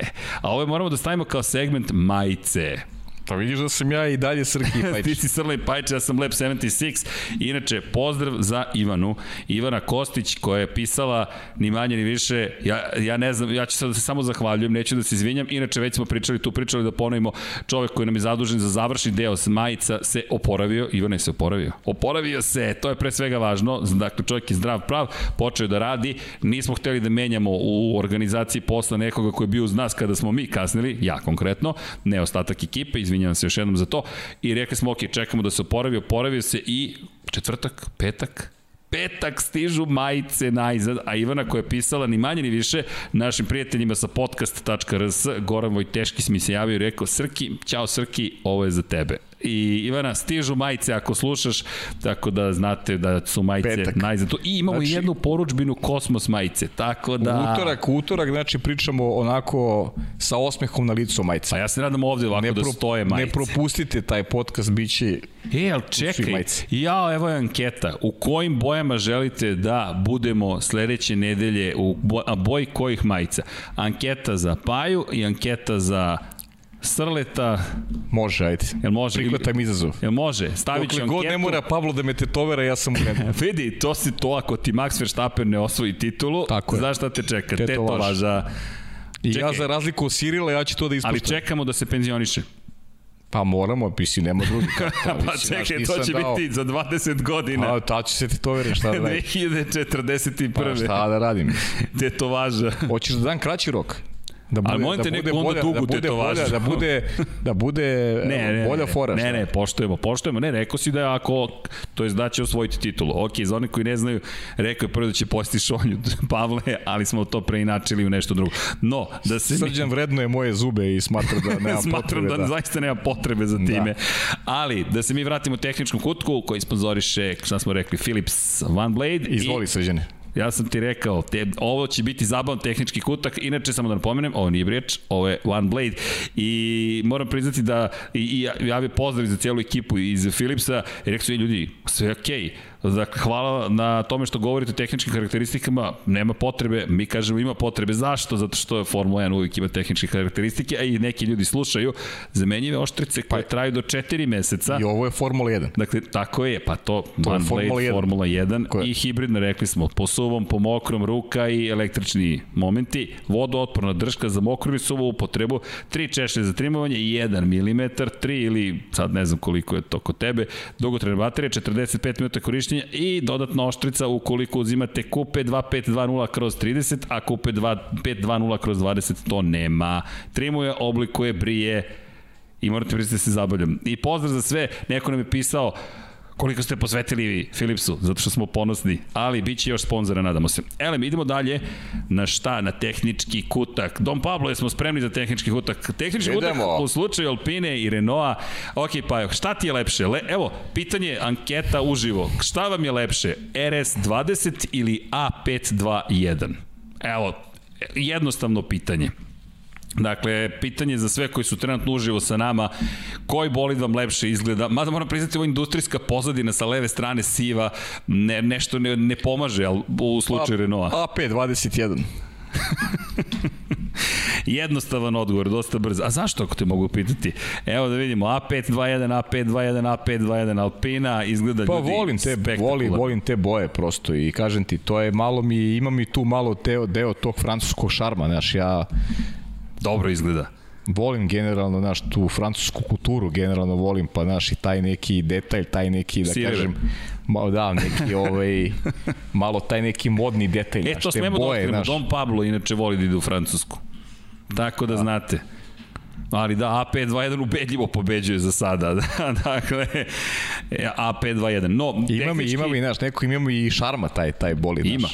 Ako pogledamo još neke kadrove, Alpina prosto nam nije dala ništa od informacija i kada pogledate prethodnu godinu, kada pogledate novu godinu, jednostavno ovo su manje više identični bolidi, manje više, moraju po pravilima da suze, suze zadnji kraj, pričat ćemo o tome, AirTech, kao što smo rekli, je, ETEC, izvinjam se, u pitanju 20B, dakle trebalo bi da bude napređena verzija. Ono što se priča za Renault je da će unapređivati zapravo motor do poslednjeg trenutka u sklopu priprema za 2022. i to je sad ta velika trka To je jedan od razloga zašto može da se desi, evo ovo je lep pogled, ako obratite pažnju na zadnji kraj plavog bolida, to smo prestali da crtamo s obzirom na činjenicu da svaki nedelj nacimo, ali ok, trebalo bi da ispoštujemo, ali uži je zadnji kraj poda kod Alpine u odnosu na prednji kraj, to je po pravilniku prosto i sečeno. Vidjet ćete taj kadar kasnije, Mercedes nas je obskrbio, jel te, i lepim grafikama. Sa leve strane, sa prošlogodišnjeg predstavljanja bolida, dosta drugačije izgleda zadnji kraj iz te perspektive. Očekuje se da bude gubitak prijanjanja zadnji kraj do 10%, mada u Red Bullu tvrdi da će to oni to nadohladiti već do prve trke 28. marta, ne zaboravite u Bahreinu. Mnogo lepo izgleda i Alpina, osim što privlači toliko pažnje, jednostavno ne može, ja ne mogu da ne pogledam u desno, je sakrila manje više sve ostalo. Ne znamo tačno šta su nam pripremili, ali držimo palče da će to biti bolid koji je konkurentan kao što bio i prošle godine. Rekli smo da im je običaj da zapravo da kriju što je više moguće informacije na početku sezone. Hoćemo da bacimo pogled na nastavak tehničkog kutka, neko ko najmanje razloga, rekao bih, ima da kaže bilo šta o svom novom bolidu, je Mercedes, međutim Mercedes rekao bih da je toliko moćan i toliko profesionalan da nema nameru bilo šta da krije. Gledali smo koje su razlike, razlike nisu tako velike, prednji kraj, prednje krilo je donekle izmenjeno, pogotovo unutrašnje ivice, donekle i granična ploča promenjena, ono što smo prošle godine mogli da ispratimo i ove godine ćemo mnogo više o tome voditi računa, jesu različita prednja krila koje Mercedes koristi od trke do trke u zavisnosti od konfiguracije staze. Očekujemo i ove godine da se nastavi investicija u tom aspektu, ali to je početni detalj. Ono što će biti najveća stvar jeste zapravo nešto što se nadam da ćemo imati prilike da vidimo. E, imaćemo jedan veliki kadar koji je Don Pablo prime, pripremio, tu moramo da ubacimo taj veliki kadar gde ćete videti iz kosa sa zadnje strane, to je taj kadar koji E, ovo je važan moment. Ako obratite pažnju i na ispod Ineosa, na grbu koja se pojavila, Priča se da je značajno promenjena pogonska jedinica. Priča se da su zapravo toliko radili na unapređenju bolida i samo ću vam navesti nekoliko stvari koje kažu da su postigli bolju termalnu efikasnost motora sa unutrašnjim sagorevanjem. Promenili su turbo punjač kako bi umanjili efekat odbacivanja toplote, to je gubitka toplote. Koriste novu leguru za blok motora – novu leguru za blok motora. Promenili su ERS sistem kako bi bio izdržljiviji u odnosu na prethodnu sezonu i promenili su dizajn MGUK kako bi popravili pouzdanost sistema. Ljudi, ovaj bolid je bio moćan prošle godine. Da su uzeli W11, bili bi konkurentni. Ponovit ću još jednom. Bolja termalna efikasnost motora sa unutrašnjim sagorevanjem. Promene turbo punjača kako bi umanjili uticaj kada govorimo o gubitku toplote. Zatim, nova legura motora, nova legura motora, prilagođavanje ERS sistema kako bi bio izdržljiviji i novi MGUK dizajn kako bi napredili pouzdanost. Ako se vratimo A, sada... Pritom, sjeti se šta su pričali prošle godine, šta su pokazala presezonska testiranje. Da možda imaju problem sa pouzdanošću, da možda taj agregat nije dovoljno, nije dovoljno izdržljiv problem sa hlađenjem. Šta, šta nam je donala praksa kad je, kad je u pitanju samo Mercedes, znači fabrički tim, koliko su imali, koliko su imali odustajanja tokom godine? Pa nisu, nisu imali odustajanje. Ti kada pogledaš, to je bio prilično pouzdan bolid. Prilično pouzdan. Prilično pouzdan bolid, a oni mimo, su ga mimo unapredili. Onog, a oni su ga unapredili. Mimo onoga što su najavili prošle godine. Da. A oni su taj bolid koji je bio prilično pouzdan sada unapredili. Lewis Hamilton završene trke u kojima je učestvovao u postocima 100%. Valtteri Bottas samo jednu nije završio, i to je velika nagrada Eiffela. Eiffela, tako je. Ako se sećaš, Sjećam se, otišli smo se dobro. na Nürburgring i tu trku nije završio. Lewis Hamilton je čak i bez, jednog, bez jedne gume ovaj završavao trke, bez Tako je. Točka. Otkazala je samo tada pogonska jedinica kod Valterija Bottasa. Samo, Eto. jednom. U, u 17 trka i to intenzitet koji je bio iz nedelje u nedelju se maltene vozile trke, znači samo jedno odustajanje. Ako dajemo u procentima, ajmo da damo u procentima i Bottasa, dakle u 5 trka, malo više, 5,8 trka su imali problem. A sedi se šta smo pričali u studiju, nažalost nije se trka ni vozila, to je bilo uvertira, ono što smo živeli, što smo živeli i Jest. živimo i dan danas ovaj, da bi ta pouzdanost Mercedesa mogla bude problematična i da pravi najviše problema uh, tokom 2020. godine, ništa od toga nismo dobili. Ne, meni je fascinantno zaista, ako pogledamo ponovo taj kadar i ako pogledamo kako to izgleda, to smo kod McLarena već naslutili, ako se vratimo na taj kadar, dakle iz kosa, e, ta, te, te ivice po, ukazuju na ozbiljne promene ispod oplate motora. I mislim da će, jer ko je spreman da žrtvuje aerodinamičnu efikasnost na ovom delu motora, taj je nešto stavio ispod što je vredno toga. Da. I ova grba, ne, nije idealna, dakle ovo će uticati na obstrojavanje vazduha koji prolazi ka zadnjem krilu i ovo je nešto što pokušavate da učinite što, možemo reći, elegantnijim, praktično što skliskim, ovde to nije slučaj. Mercedes nešto je ispod učinio, što jedva čekamo da vidimo o čemu se radi, ali ovo nije bolid koji, kao što je i rekao James Ellison, je prelazni bolid, ovo je bolid kojim se nastavlja dominacija. U krajnjem slučaju, ako pričamo o tome da se sve spremaju, spremaju za 2022. možda je ovo veliki korak koji Mercedes spreman da po, poduzme u okviru priprema za 2022. Čak bih pre rekao da će žrtvovati pouzdanost motora ove godine na početku povući riskantniji potez, zašto? Imaš sezonu i dalje do momenta kada ćeš morati da zaustaviš sav razvoj i to je ono što Honda juri, mislim, moje ubeđenje, ovo je samo moj zaključak, ovo niko još, ja nisam čuo da je izneo, je da je ovo zapravo skok leap of faith, onaj čuveni, skok vere. Ti veruješ u nešto na osnovu podataka i rezultata koje imaš i kažeš ne, ajmo dramatičnu promenu da napravimo u pogonskoj jedinici, konačno početak hibridne ere je doneo to da je pogonskom jedinicom Mercedes napravio iskorak i mislim da su ponovili taj potez, što opet može veoma pozitivno uticati na njihove korisnike. Na McLaren, na Williams, na Aston Martin. Pa možda ćemo najbolje da vidimo kroz njihove korisnike kako, kako to izgleda u da. praksi. Ali sjajno, i ako se vratimo na tehnički kutak... Pogotovo na Williams. Da, pogotovo Williams je pogotovo tu vrlo Williams. interesantan. Zamisli ukoliko Williams zahvaljujući tome napravi pa recimo iskorak ka bodovima. Pobedi recimo Alfa, pobedi pobedi osvoji poene za početak. Pa za početak ovo da urade. Da.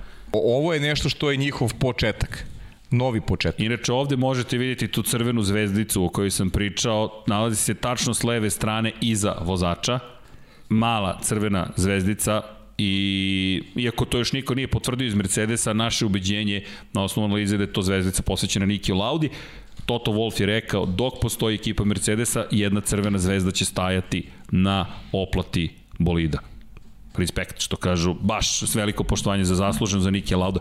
Ali idemo dalje s tehničkim kutkom. Ako pogledate ovo, hvala Mercedesu, baš se potrudio. Smanjen razmak između zakrilaca zadnjih točkova, to je zadnjih kočnica, oprostite, i ovo je takođe nešto što po pravilniku mora da se učini, iako ono što je nama zanimljivo, ako pogledate oplatu, ovo je primjer na prošlogodišnjem bolidu, dakle ovo nije render s novim AMG-ovim znakovima, ovo je Mercedesov. Inače, kada pogledate koliko se gura AMG, idemo pa kao onoj priči koju smo već rekli, Alpina svoju sportsku robnu marku predstavlja, to je Renault svoju sportsku robnu marku Alpinu, AMG je Mercedesova, Ferrari je već sportski automobil, Aston Martin je u toj kategoriji i mi polako idemo ka tome da će ovde biti zapravo neka vrsta izložbe sportskih automobila, bez obzira ko je proizvođač, da ćemo robne marke vidjeti iz, sportskog, iz sportske perspektive. Ok, pogled na, na nešto što moraju da promene, Znamo da su imali dosta problema sa hlađanjem guma, to su rešili i promenom točkova, to će naredne godine, o tome ćemo pričati, imat ćemo posebnu emisiju, biti dosta drugačije s obzirom na činjenicu da su pravila značajno promenjena. Idemo na, na sledeći kadar, zapečaćeni su prorezi u podu oko bočnih aeroelemenata.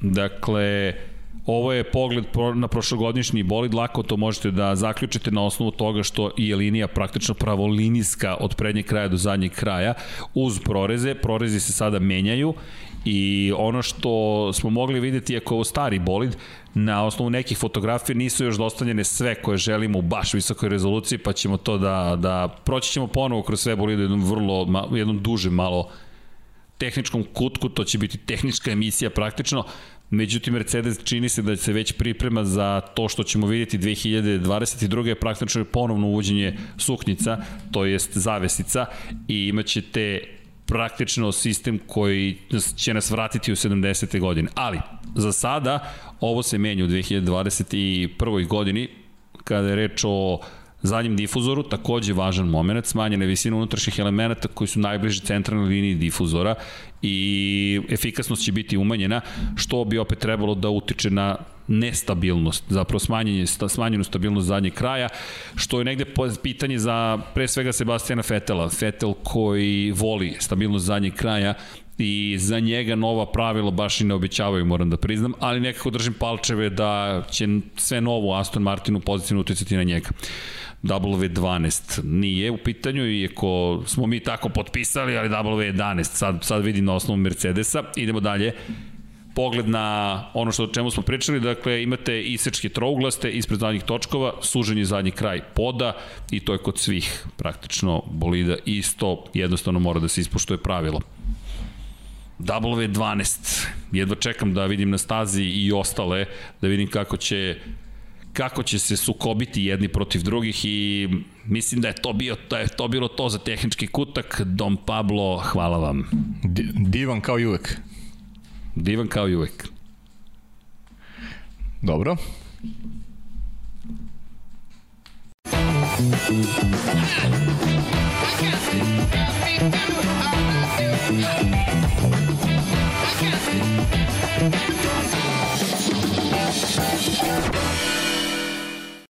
Don Pablo, volite dramske opa, pauze. Opa, video? da, pa Čekaj. drži nas u neizvestnosti. Neizvestnosti, a ja koji vrtim prstikom polako. Dežurite, Take it easy, kolega. take it easy. Take it easy. To me Vanja razmazio. Vanja. Čekaj, Dom Pablo je Ferrari, a Vanja je Mercedes. Šalim se, šalim se. ne, pogled je Aston Martinovac. Zapravo, šalu na stranu, ali nadam se da, da Nadam se da ste uživali. Mi uživamo svaki put kada dobijemo nove fotografije i onda gledaš lepotu, gledaš ko su ljudi, gledaš šta se tu zbiva i onda baciš pogled na tehničke aspekte i kažeš sebi ok.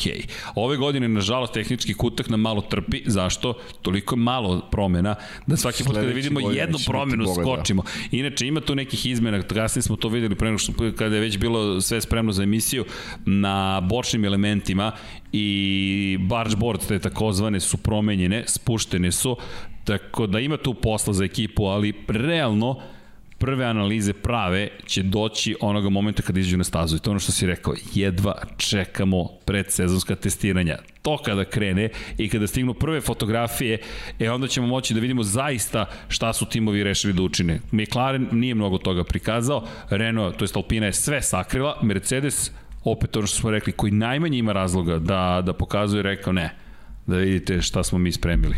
Tako je. I deluju mi spremno.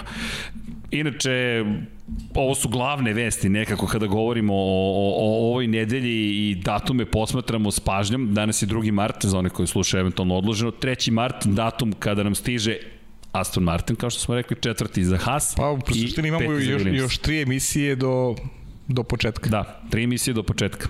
Čekaj, šta ćemo sa Lab 76? 76? Mhm. Mhm, mhm. To ćemo posle emisije, pošto moje lude ideje, imam ludu ideju, pa jo, Za svi sutra. beže, aha. Ali pričat ćemo posle, kad odemo do biblioteke, mada su sve zatvorene, ali nema veze. Ne radi biblioteki sad. Ne veze, imamo mi ovde, imamo mi našu Lokalnu, lokalnu lokalnu pa imamo, vidi, imaš, vidi koliko knjiga je oko tebe. Jeste. Tako da je, tako da je sve okej. Ja baš volim da čitam ovo vreme, znaš.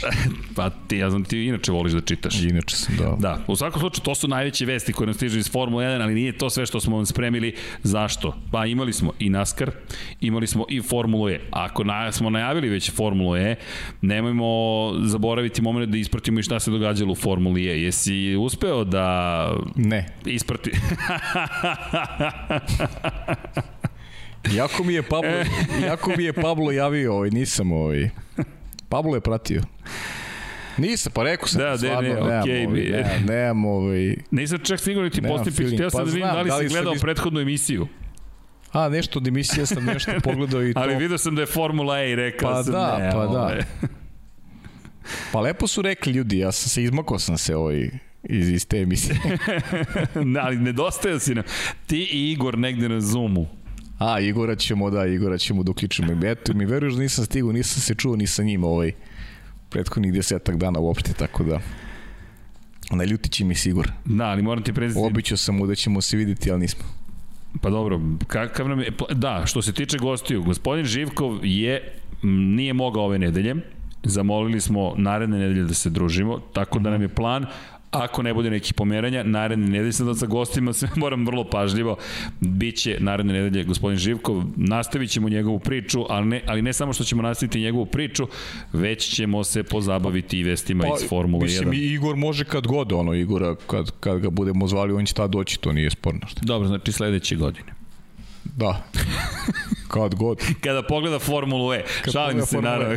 ne, ne, Igora jedva čekamo da vidimo, ali da se dotaknemo Formule E. Počelo je, počelo je, znaš, ajde pogodi kako je. sve zapravo počelo. Šta misliš, koja ekipa je pobedila u prvoj trci od dve održane prošlog vikenda? Proteklog vikenda. Koja ekipa Dajem je jednu pobedila? priliku.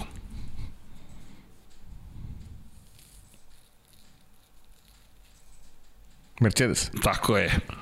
Bravo za mene. Tako je. Dakle, Bravo. obrni- Teško je bilo. bilo je, bilo je baš teško. Teško je Obrni, bilo, da. Okreni, Mercedes pobeđuje. I Ko je pobedio? ti- Ko je pobedio? Nick De Vries. Nigde vris, pa dobro, da. Da, I, zabeležio a, vidiš, pobedu Mogu sam i ti, eto, koliko... O, I to bi mogao da pogodim. Nisam trebao ti pitam uopšte. Pa ne, zašto pitati? Da. Činjenica je da, da se radi o ozbiljnom vozaču, pričali smo dosta o tome i samo je potvrdio ono što smo negde i pretpostavili da bi moglo da se desi. Čovjek je došao i rekao, A ok, ko, ko je bio drugi, ko treći? pa evo, šta, šta misliš, ko je bio poredak? Mada ne možeš, ne, ne, ne, Ne pratiš. da, da, ne. Mortara je na poziciji broj 2 i Mitch Evans je bio pozicija broj 3. A, Mitch Evans, malo Mitch Mitch. Evansa, Mitch Evansa ti ja pratim još iz uh, trojke. Jeste. Formule 3, bio je dobar Evans. Da, ali imali smo dosta incidenata zapravo u Formuli E. I sad šalu na stranu koliko god da se šalimo, ozbiljno je šampionat u pitanju, ali je ono što treba napomenuti jeste da smo imali i dramatične scene zapravo o kojima vredi pričati. Zašto? Pa ako mi pričamo o tome da treba da se putuje u Saudijsku Arabiju i da će Formula 1 biti tamo Dirađa kao predgrađe praktično Rijeda je mesto s kojim pažnjom pratimo iz perspektive svega što se događa i van staze i tri skada su bila poslata, bukvalno su bukvalno je oružani, ne oružani, ču, čujte, bio je raketni napad na grad je u pitanju i uspeli su da obore skadove, ali sama ideja da tokom trajanja trke Formule E ti u daljini gledaš kako balistički projektili lete i kako se događa praktično ratno stanje je nešto što niko ne želi. Ali to se desilo, ono što je pitanje sada jeste, ok, Formula 1 treba da stigne tamo. Ako Formula E, koliko god da je meni draga i koliko god da je volim privukla toliko pažnju, kakvu pažnju će privući Formula 1 kada dođe šampionat u zapravo Saudijsku Arabiju i to je ono što je, post, što je veliko pitanje i mislim da ne treba da se beži od toga da se postoji pitanje, ok, ljudi, šta ćemo da radimo? Plan jeste da idemo u Saudijsku Arabiju, dakle, Jeddah bi trebalo da bude domaćin 5. decembra, ima dovoljno vremena do tada, ali prosto da budemo svesni da situacija uopšte nije naivna Tako je. I vodit ćemo račun o tome, nemamo nešto da dodamo osim da se nadamo da će sve proći kako treba, ali da, postavlja se pitanje koliko je mudro organizovati trku Formula 1 u takvoj situaciji, bez obzira i na novac Pa i na sad i na nismo sve što to se događa. već i pričali, opet. Da, ali ovo je, pa evo, gledaš u pozadini kako lete projektili, to je, moram priznati da se ne sećam da smo baš imali te situacije. Inače, bilo je... Nismo izvini. imali situacije, ali smo pričali o tome, o, o opravdanosti te odluke. Da, i imali smo u Bahreinu proteste, ako se sećamo, Pa pa, smo su kadrovima puta, da. izbegavali da. da snime zapravo požare koji su se događali A nisu, u nisu, daljini. nisu hteli e, da daju na značaju onima koji su protestovali, a, a ovi timovi imali smo te neke insajderske informacije u to vreme Eto, opet, nažalost, moram da, mislim, ne nažalost, nego eto, i lepo je da se prisetimo našeg dragog Srđana Sulejmanovića konkretno, Da. koji je bio i svedok e, tih dešavanja svoje vremena u Bahrinu. Da, Srđan Selemanović, to, to nismo sproveli delo, to ja nisam sproveo delo. Pa dobro, da imamo, sprovedem. hoćemo, da, hoćemo. Da, izbor Do- za dokle, dokle najbolju god, fotografiju. dokle god pričamo, pričat ćemo uvek ovaj, uradit ćemo, uradit ćemo to. Da, nećemo zaboraviti Nećemo sigurno, Sukija. da, nećemo. Inače, bilo je dramatično kada je reč o Formuli E. Mnogo toga se događalo i da se nadovežem na priču o Mercedesu i o tome zašto je menjao MGUK, na primjer, u Formuli 1, da sistem nije bio toliko pouzdan. Oni su imali probleme i sa pregrevanjem zapravo baterije pre par godina. Imali su situacije u kojima su napravili prekompaktan praktično sistem koji se toliko pregrevao da je Mercedes imao ozbiljne probleme upravo na stazama poput Red Bull Racinga, gde smo na visok, visini, nadmorska visina je vrlo ozbiljna, ali je problem bio u tome što su bili topli dani, u sred leta su se održavale trke Mercedes je tu baš patio, ozbiljno je patio, morao da kontroliše zapravo snagu i tu se videla koliko ta jedna slabost može doći do izražaja, srećom po njih, na drugim mestima to, to nije bilo važno, ali Mercedes je imao inače ozbiljne probleme u Formuli E, imali smo incident sa Mahindrom, kada govorimo o, o konkretnom Mercedesu, govorimo o tome da smo imali situaciju u kojoj se postavilo pitanje da li će Venturi i Mercedes to su timovi koji koriste Mercedesove zapravo pogonske jedinice, moći uopšte da se takmiče, dobili su na kraju dozvolu Međunarodne automobilske federacije. Zašto? Sistem za zaštitni sistem, fail-safe sistem je otkazao na zadnjim kočnicama i Eduardo Mortara imao ozbiljni incident. Švajcarac je prebačen u lokalnu bolnicu posle tog incidenta, ozbiljan je udar, udar bio u pitanju i s obzirom na činjenicu da su otkazale kočnice, morali su da provere praktično sve. I Srebrne strele i Venturi, tako da je bilo dosta veliko pitanje da li će se uopšte i ko pojaviti i šta će se tu događati da li će biti dozvoljeno da nastupe. U svakom slučaju imali smo nešto slično prošle sezone, da ne zaboravimo u Mexico City-u, kada je De Vries imao incident u krivini broj 1, Tako da vredi pratiti zapravo šta se tu događa. Mercedes u svakom slučaju mora na tome da, da, da, da poradi i oglasila se ekipa, rekli su da to jedno nema veze sa drugim, da je problem bio softverske prirode i da su prilično sigurni da ono što su učinili se neće ponoviti, ali u drugoj trci dosta drame i pored toga drama kada je reč i o Aleksu Linu koji je imao zastrašujući incident, iako on rekao da je sve u redu, u Mahindri je izleteo, okrenuo se bolid na opačke, ono što smo mogli da vidimo jeste da je preko Evansovog bolida praktično preleteo, okrenuo se na opačke, dosta drame na ne baš idealan način, no u drugoj trci Sam Bird zabeležio pobedu, Robin Frins bio na poziciji broj 2, Antonio Felix da Costa na poziciji broj 3, Nick De Vries vodio šampionatu ispred Birda i Frinsa i jedva čekam sledeću trku, ali nadam se malo drugačijim okolnostima, nadam se da će to biti ipak nešto bolje. Idemo u Rim, inače, a 10. aprila je zakazana sledeća trka. Tu imamo malo veću pauzu, pa posle Valencije, to će biti zanimljivo, pa Monako, kao neka vrsta uvoda u Formulu 1, pa Marakeš i onda Santiago, ostale staze čekaju potvrdu svog datuma, a imali smo i trke Naskara, da ne zaboravimo, Naskar koji koji tako nekako volimo. Bože, nemamo ove nedelje, ali moram priznati da nekako kada pogledaš uvek ka Naskaru i ja imam makar osmeh na licu, iako ga dugo nismo zajedno radili. Pa da, nismo ga zajedno radili, a ja sam uspeo malo da ispratim, sad sam, juče sam i otvorio dan na poslu, radio sam pregled ove trke koje se sada vozilo u Majamiju. Inače, eto da pohvalim i, i naše kolegu Luku Spasovsku koji je uradio je prethodne tri trke, da, pridružio si i jako lepo je ušao u taj, u taj svet i gledao sam onu trku uh, Rovalo, onaj koji se vozi u Daytoni, bila vrlo interesantna trka. Ono što je meni impresivno s početka sezone da se ne osvrće posebno na Miami, ali eto može bi da se dotakne i Miami, to je spisak pobednika ove tri trke. Mislim da tako da tako zabavno nije bilo za svih ovih koliko ovo je naša šesta ili sedma godina, više i ne znam koliko pratimo NASCAR, moguće da je čak i sedma.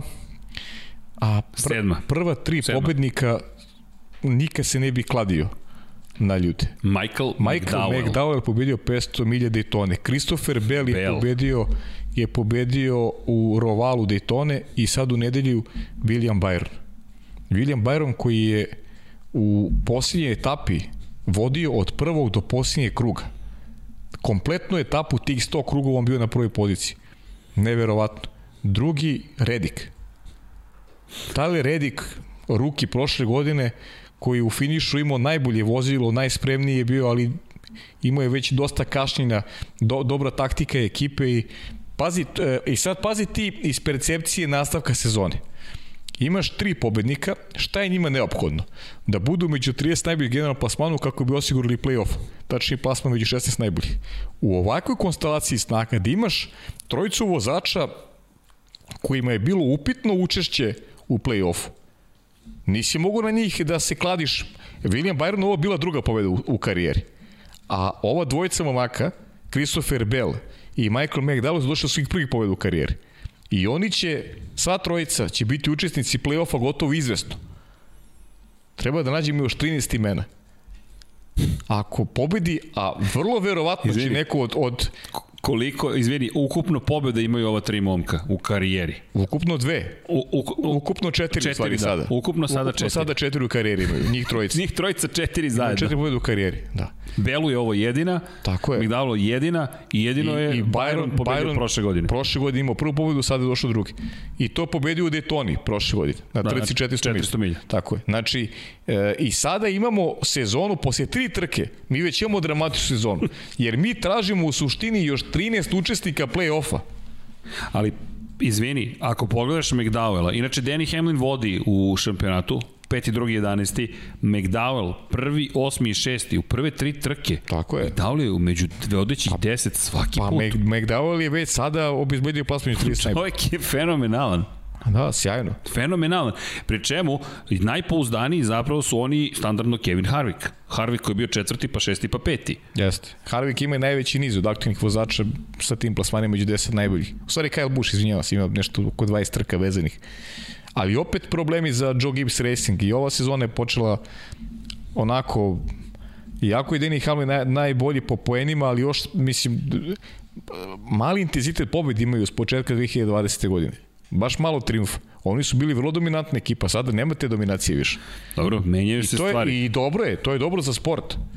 I sve više klasičnih izvini staza. Je sve više klasičnih staza i sve više različitih pobednika. I rovala, I i prestiže nova generacija kola. Dosta toga se događa u NASCAR-u. NASCAR Da, mislim da ide u pravom smeru. I u dobrom smeru, interesantne su trke i dalje za, moram priznati, za, za moj ukus malo, malo duže traju, ali baš dugo traje to cela priča oko, sad pa ja mi recimo 3 po sata trka i to 3 po sata trka bez mnogo caution perioda, znaš, to je zaista treba držati koncentraciju naših gledati nešto što toliko dugo traje. Da, inače imaš pozdrav ovde, respekt za Formulu E. Pa Paja sve zna šta vam je, samo je pitanje Pa dobro, znaš kako Koliko imamo vremena ono, da pratimo. To ti sad ono neka ono kultura sportska, znaš, da je tako da je nazovemo. da ima ovde nekoliko, nemaju neko Formulu E. Vozi, da. Pa I dobro, sad opada broj ljudi ne, na live-u. Ne, moramo da dotaknemo se Formule E, Pa prosto da okej, okay, ispoštujemo. dotaknemo se tema, Ali- ja poštojem sve to, mislim, u krajnjem slučaju ovde u okruženju imamo ljude koji ono to baš pomno prati. A to, što su, je, to je nešto što moramo da ispratimo. tako je. A kada govorimo o, o pitanjima i odgovorima i Formuli 1, čujte, pa znate i sami Tu za kraj, tu smo, uvek pa da, imamo odgovor smo, da. pitanja. Dakle, evo, stižu polako pitanja. Inače, u Formuli 1 glavne vesti jesu zapravo ove vesti koje smo spominjali. Kada im u jednom danu imate predstavljanje Alpine i Mercedesa, hoćete još Alpine? Evo, Don Pablo, možemo pustiti onaj promotivni video. Ja mislim od one 5 minute 11 sekundi. Sad ćete da vidite nemontirano, dakle, kako je to Alpina pripremila. Evo, evo imam, imam pitanje Momčila Vukovića, ali Momčila mi kaže, znam da ne voliš Formule e, ali pogledaj obojezno pretecanje Eduarda Mortara u prvoj trci prošlog vikenda. I bilo je nekoliko fenomenalnih preticanja da. kad se provuku i jedan između drugog, pa onda iskoriste bolje, pametni su štedili energiju. Ovo, da- momčilo, da. ovo ti sugestije da mi ne persiraš, molim te, znači možemo to na ti pitanje. Da, momčilo, ja sam rekao, čujemo se mi sa momčilom, bez briga. Da, da. Ali Dom Pablo, možemo da bacimo pogled. Formula 1.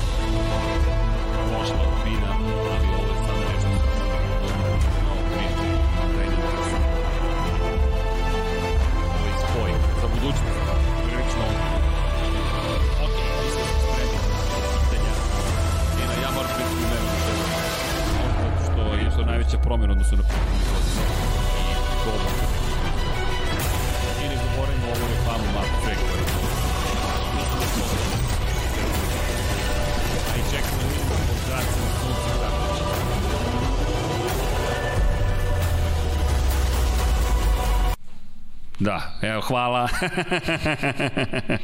Dok se uigramo još Dom Pablo i ja. Dakle, to tako sa Vanjom. Dobro, o, pa, dobro. Ali sve je okej. Okay. Živa stvar. Pa da. Dobro, sutra. Opušteni smo. Ne, vidjet ćemo kada bude prezentacija Aston Martina da li će se ovo dešavati. A ne, ta će biti Da li će biti, će nema biti zvuka, fokus. znaš, u promotivnom videu ili ne. Pazi, ako primetiš, Don Pablo je pustio zvuk kod Ferrarija, ukinuo je kod Renaulta, prekinuo je Mercedesov tehnički kutak, ne znam. Misliš, to su afiniteti? šalim se, šalim se, to su samo prozivke.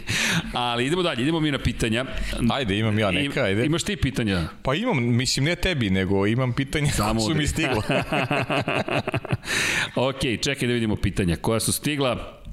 Da vidimo, sutra, Srki opet si zaboravio Aprilia HB Racing, nisam, to ćemo sutra da pričamo, saznali smo, imam, mislimo da Ivan saznao, zapravo otkrio za Apriliju, odakle dolazi iz koje godine, tako da... Evo, baš, ajde da se nadovežem na Aston Martina, imam pitanje, Bogdan pita. A, imali su zvuk, izvinjam se, zvuk samo nije nama stigao. A, hvala. Kaže, prvo vas pozdravim i da vas pitam, pošto sutra izlazi Aston Martin, pa me zanima vaše mišljenje da li će biti bolji nego Racing Point ili približan Red Bullu ili možda jači. Hvala napred. Pozdrav za Bogdana. Pa, E sad, Nadamo se to da. Je, ba, dosta pitanja ima da li će Formula 1 biti sporija ili brža. Najmo da to grupišemo u jedan praktičan odgovor. Ljudi, ogromna nepoznanica. Red Bull je najavio da će do praktično velike nagrade Bahreina, do prve trke sezone, nadoknaditi taj gubitak od 10% koji se očekuje prema proračunima prvim da će biti zapravo u odnosu na prethodnu godinu. Govorimo o ponovo o tom izrečku. Dom Pavlo, ako možemo bacimo pogled na, na te trougliće koji su isečeni, to tako zvuči banalno, ocekli odsekli su deo poda. Međutim, mi kada govorimo o, o tom odsecanju trouglova, praktično sa zadnjeg kraja bolida i onome što smo videli u tehničkom kutku, mi govorimo o ozbiljnoj aerodinamičkoj površini na bolidu Formula 1. Mi govorimo o tome da nešto što je postalo područje možda i najvećeg razvoja je, je praktično nestalo. Trouglovi, trouglovi sečeri na zadnjem kraju bolida. A, sad, e, e, Don, hmm. Don Pablo, ali zato, zato kada analizira situaciju. U svakom slučaju, šta je pojenta? Pojenta je da kada izgubite tu površinu e, i kada go, to je to. Dakle, kada govorimo o gubitku od 10%, e, mi govorimo o o, o, o ljudi ozbiljnom gubitku prijanjanja. Mi nemamo predstavu kako će ovo uticati na ponašanje zadnjeg kraja bolida. Hajmo ovako da pretpostavimo da će biti 5%.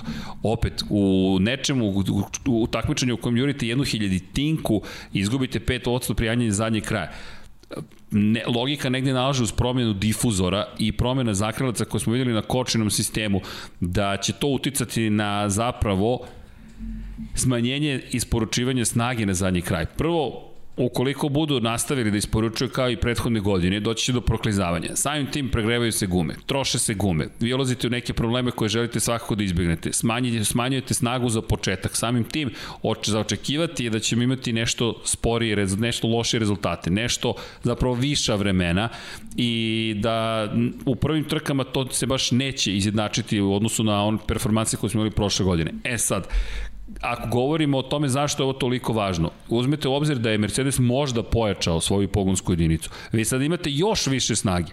To je problem s kojim se Ducati, na primjer, susretao u Moto Grand Prix-u. Šta se tamo događalo? Imate snagu, ali nemate kontrolu nad svom snagom. U, čekajte, mo, to je, to je reklama za Pirelli. Možemo i Pirelli kalendar da izbacimo ovde. Čekajte sekund, molim vas.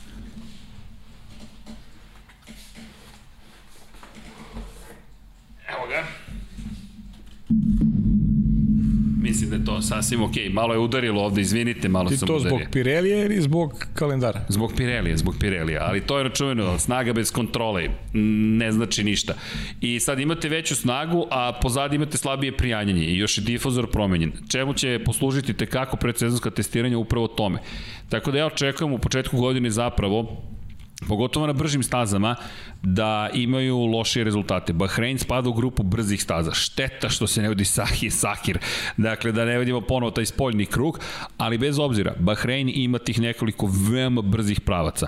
Do startno ciljni pravac, između krivine 3 i 4, to su prva dva mesta koje ćemo i tekako pažljivo posmatrati i onda onaj zadnji pravac pre nego što dođe do poslednje dve krivine. Ako me dobro sećam služi 20 ili 19 krivina imamo u Bahreinu. U svakom slučaju, poenta je da očekujem da će biti nešto loši rezultati i da će vremenom se to popraviti. E sad, u odnosu na koga, da se vratim na ono što je Paja rekao, Paja ono što si rekao, Ako svi budu sporiji, ok, ali ko nam je zapravo nulta tačka tog sistema? Dakle, ako mi govorimo o sistemu u Formuli 1, mi govorimo o izvinjavam se Mercedesu.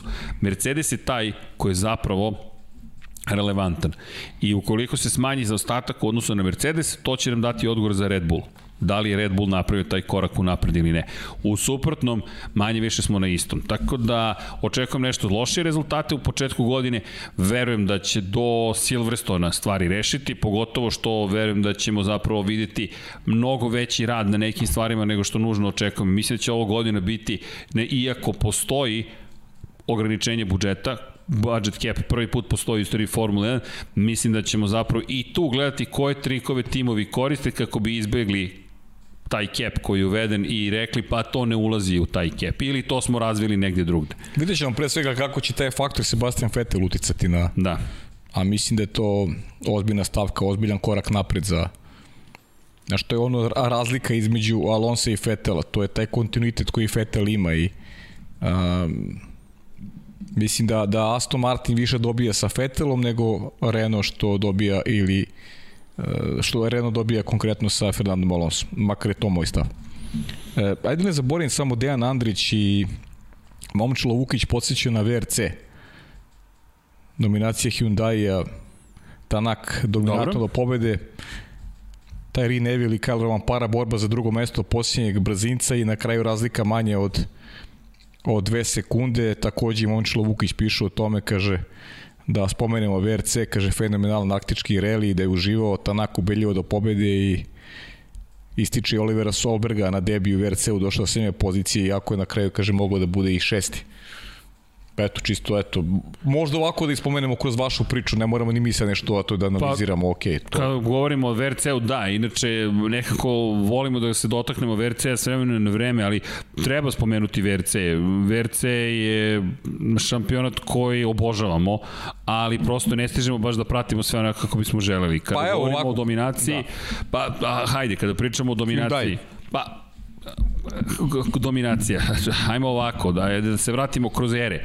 Ako pogledamo kroz ere, uvijek je neko, uspo, neko uspevao da ostvari ozbiljne rezultate, ali ako povežete to sa vozačem pre svega, ako pogledate kako to izgledalo ranije, Citroen, Volkswagen era, ne znam, Ford u jednom momentu je bio zaista moćan, ali ako se vratimo na, na ako se vratimo još dalje unazad ka japanskim proizvođačima, uvijek je neko posto. Sad je Hyundai došao, došlo 5 minuta Hyundai-a. To su dve sezone u kojima Hyundai dolazi zapravo do, do titula šampiona sveta, pri čemu Hyundai, nemojte zaboraviti da je to uspeo da učini u šampionatu konstruktora. Ako mi pričamo o šampionatu vozača i ako pričamo o tome šta nas čeka ove godine, pa imamo Ford, Hyundai, Toyota, Hyundai ima i najviše korisnika zapravo, ali ako pogledate šampionat vozača i ako pogledate šta su do sada učinili, nema još uvek šampiona u svojim redovima Hyundai. Nema, a to je stvar prestiža sada. I svet relija se dosta menja.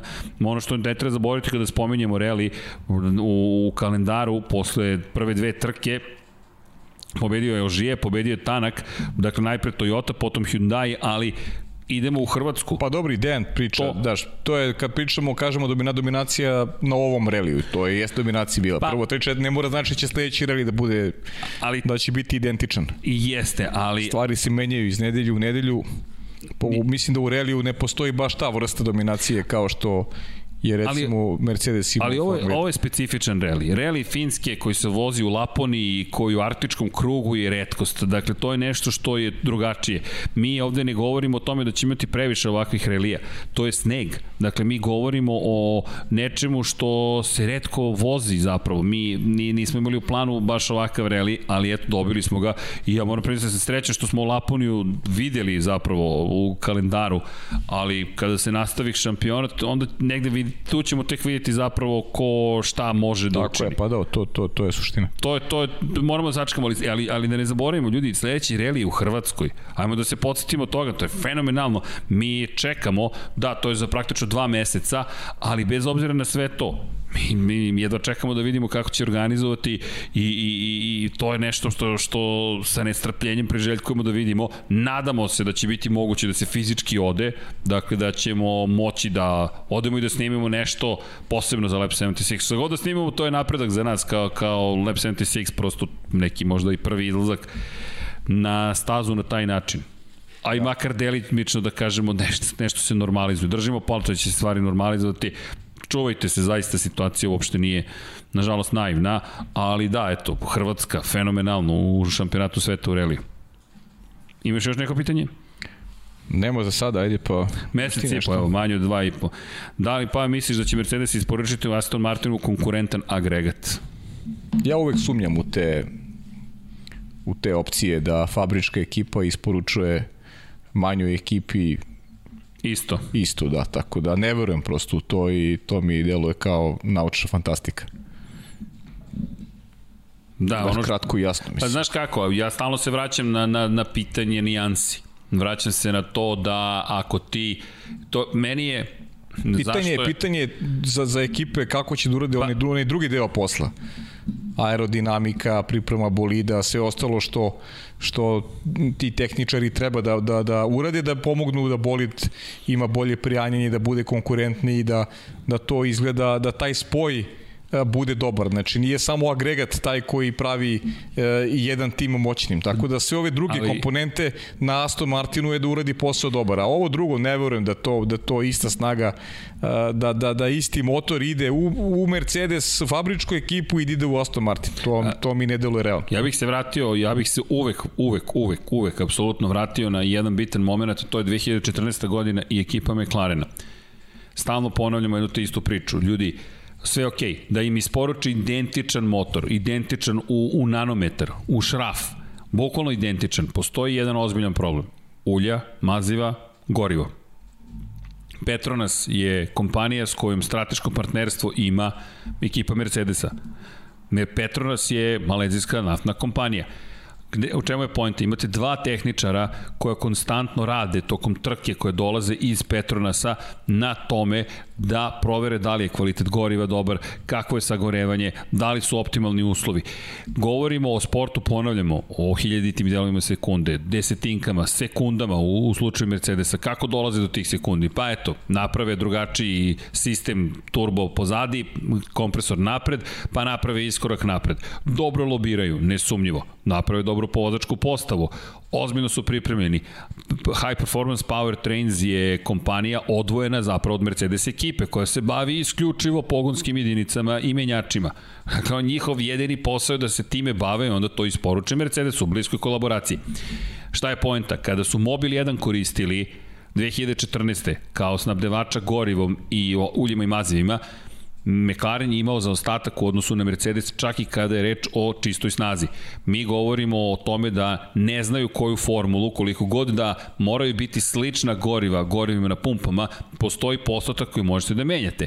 E, taj postotak u Formuli 1 je mnogo velik. Ako smo malo pre rekli za aerodinamiku, izgubili smo, ne znam, 5% prijanjanja zadnjeg kraja i sad dođemo na to da ovde gubi se 1 postotak ili 2 postotka, zahvaljujući tome što koristite tuđe gorivo, dovoljno je. Neka im daju sve identično, ne mogu da dođu do tih performancija koje ima Mercedes. Inače, da, inače pozdrav, pozdrav za, za Aleksu, našeg najvećeg kritičara kada je reč o McLarenu. Aleksa, ponovit ću stoti put, niko nije omalovažavao Alonsa ili McLaren.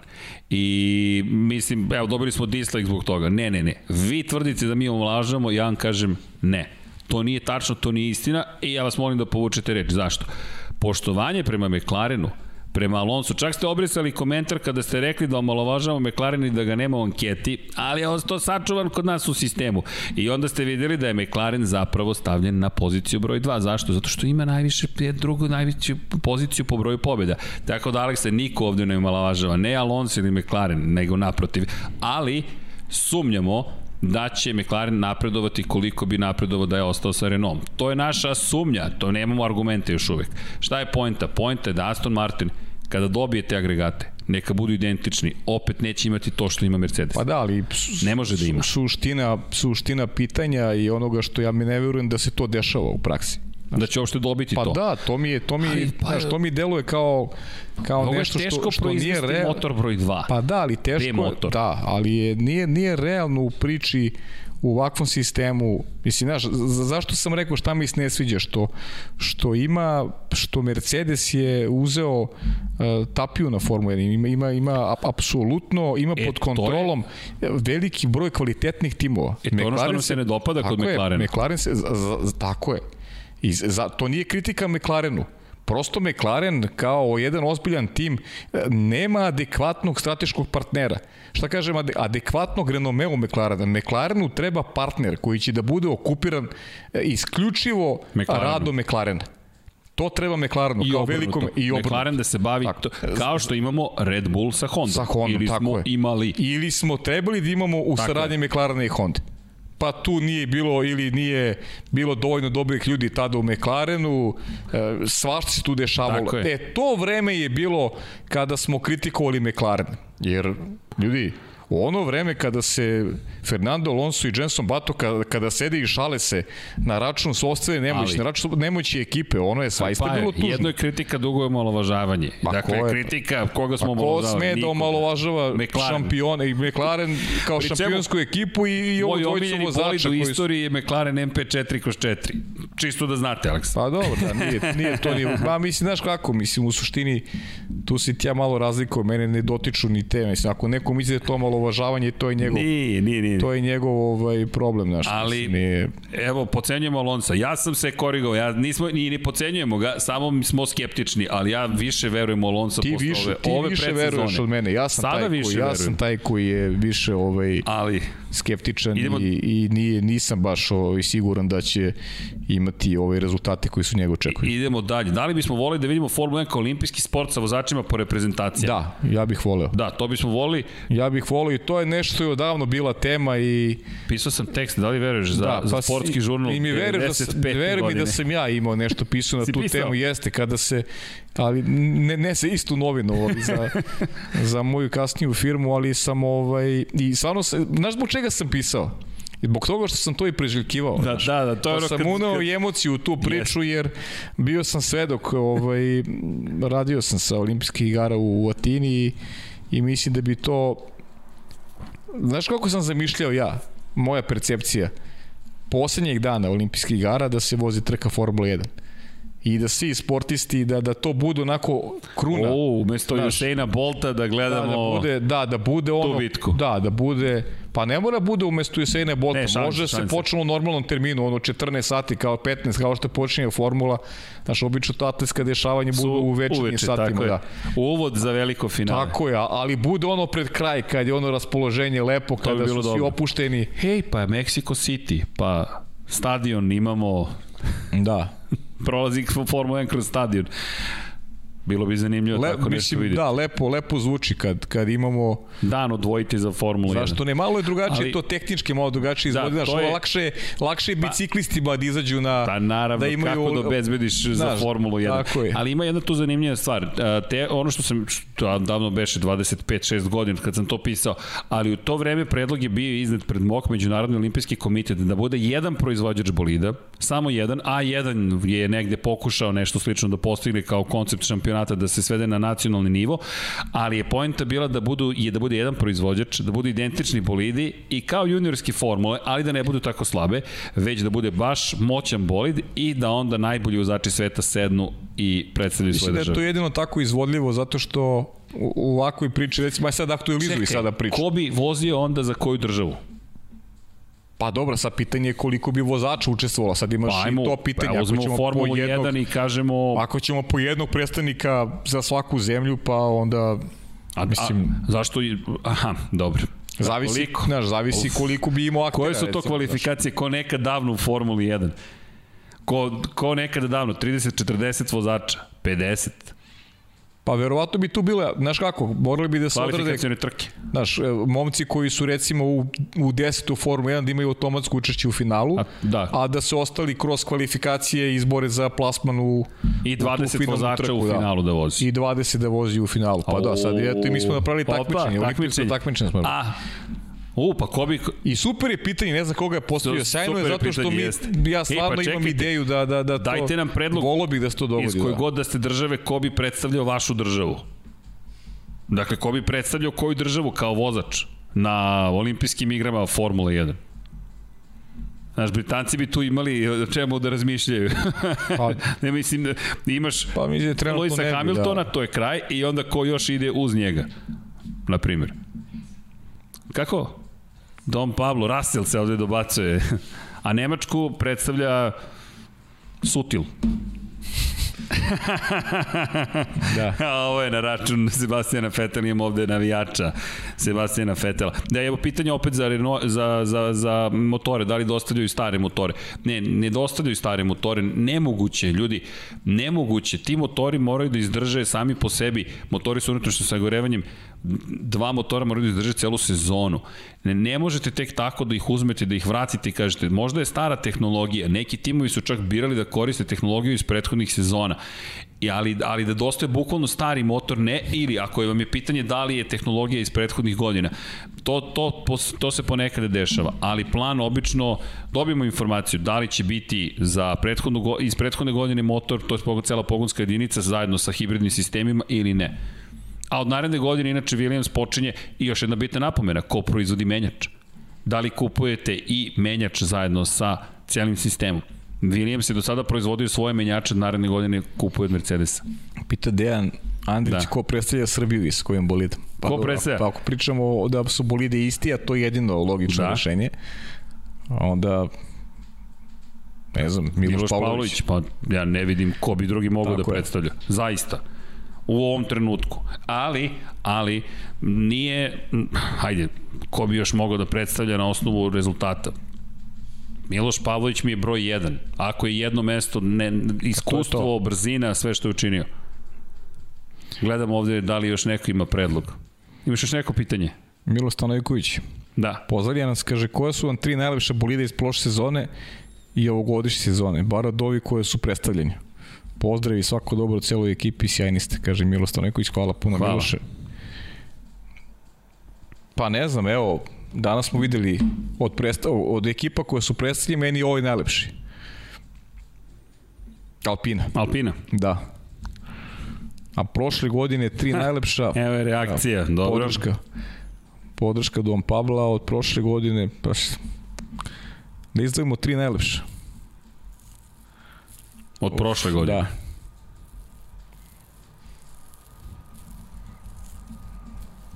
To je to razmišljanje. I čuje se brada, čekaj. Da. da. Teška priča.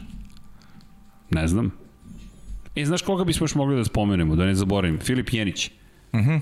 Filip Jenić, njega momka nekako nismo spomenuli, to nekako sad mi pade na pamet, nismo spomenuli dečka nikada praktično, ja ne znam da li smo ga spomenuli, a momak će biti u španskom šampionatu, nemojmo zaboraviti, u Formule 4. Tako da to zaista vredi i nadam se da ćemo organizovati neki razgovor i, i, i da ćemo stupiti u kontakt i tako dalje, tako dalje. Gledam me, gledam me ovde čudno, smeju se opet. Da, ali, ali da spomenemo, ne, ako niste zapratite Filipa Jenića, na Instagramu Filip, donja crta Jenic, donja crta, tak reč je o momku koji nadamo se da ima blistavu budućnost, pa eto, to je neka nova generacija. Ali eto, ideja, pa je, pišite vi za koga, šta mislite. E, nemoguće Formula 1 po reprezentacijama kao velika nagrada olimpijskih igara i aktualnih vozača. Pa da, ali kažemo, to, Međunarodni olimpijski komitet da bi to uvrstio u, u, u ceo sistem takmičenja mora da ide po, po, po reprezentacijama prosto. Pa nema drugačije, nema, nema, nema drugačijeg da. puta. Koja je po nama najbolja postava, koja je najgora? Kako misliš najbolja? Najgora i najbolja postava u Formuli 1. Najgore i najbolja postava u Formuli 1? Hmm.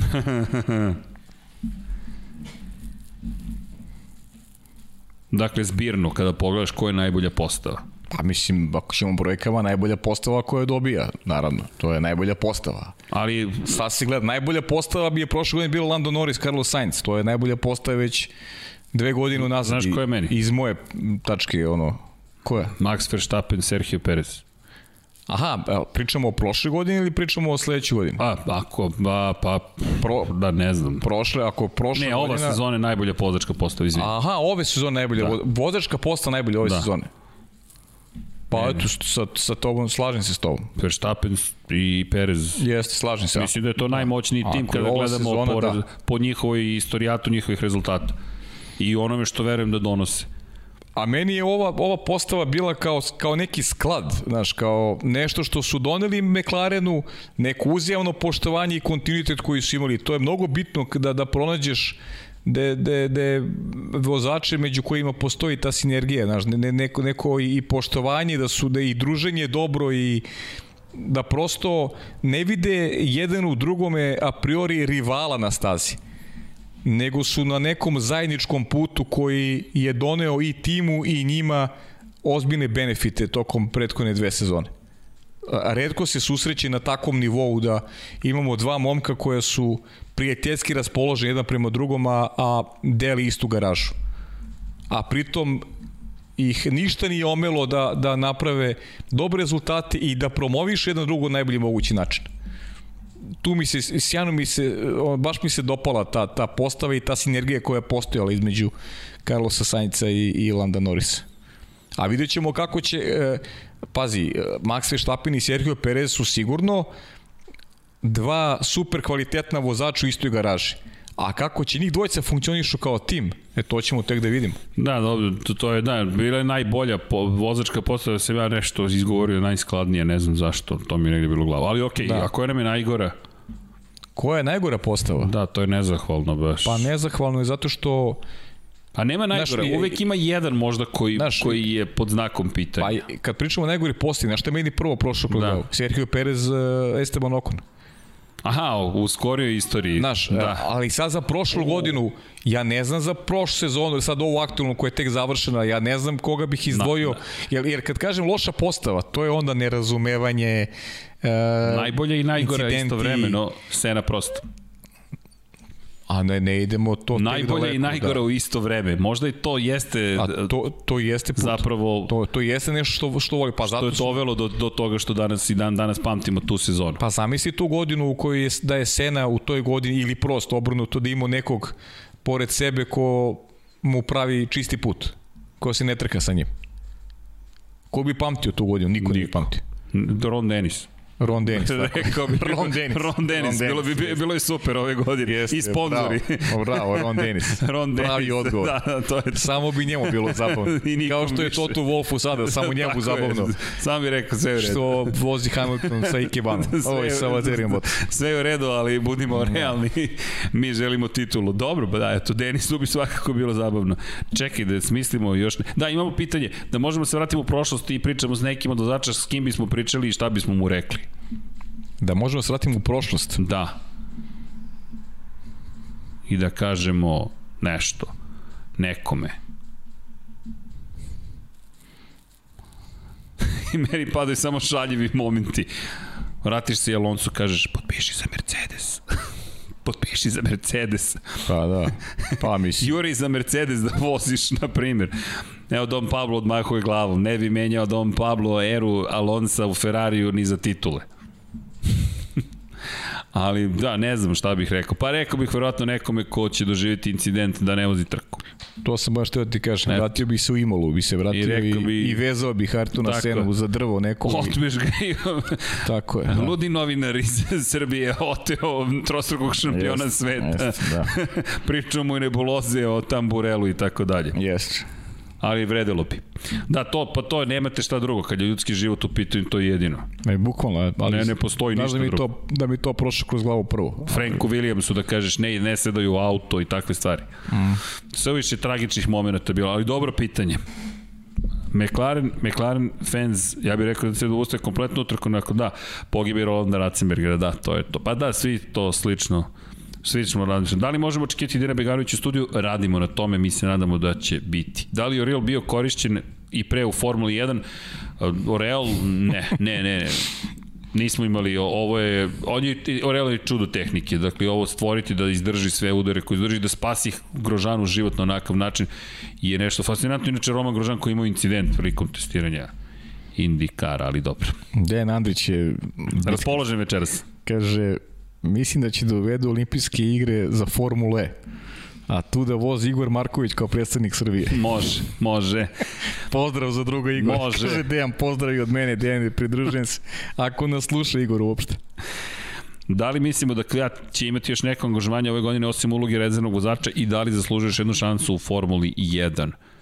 Da, da, da. Pa ja- Mislim, zaslužuje šansu, a da li će Da. imati neku drugu ulogu, to ne znamo zaista. Da, ne, ja moram priznati da bih volao, ne znam, Kvijat, ja sam bio skeptičan u njegovoj prvoj karijeri u Formuli Isto, 1. isto. Baš sam bio skeptičan do šta može da postigne, ali kada se vratio... Jako je ta prva karijera imala, imala neke, neke lepe rezultate, i lepe plasmane na ostvarenja. pobednička postolja. Posle Možda- toga je otpušten. Da, pa možda nije bilo dovoljno strpljenja, kao što ga je recimo kao što je bilo strpljenja za neke druge vozače, za, za Daniela Kvata nije bilo. Da, to smo zaboravili da prokomentarišemo, ali sad, sad sam se setio, št- kakav ti, kako je, da te pitam ja, kako ti je mišljenje o tome što je Christian Horner rekao da, da su rešili da se ponašaju kao odrasle osobe time što su angažovali Serhije Pereza, odustali od toga da promovišu zapravo ljudi iz svog juniorskog programa Red Bullovog.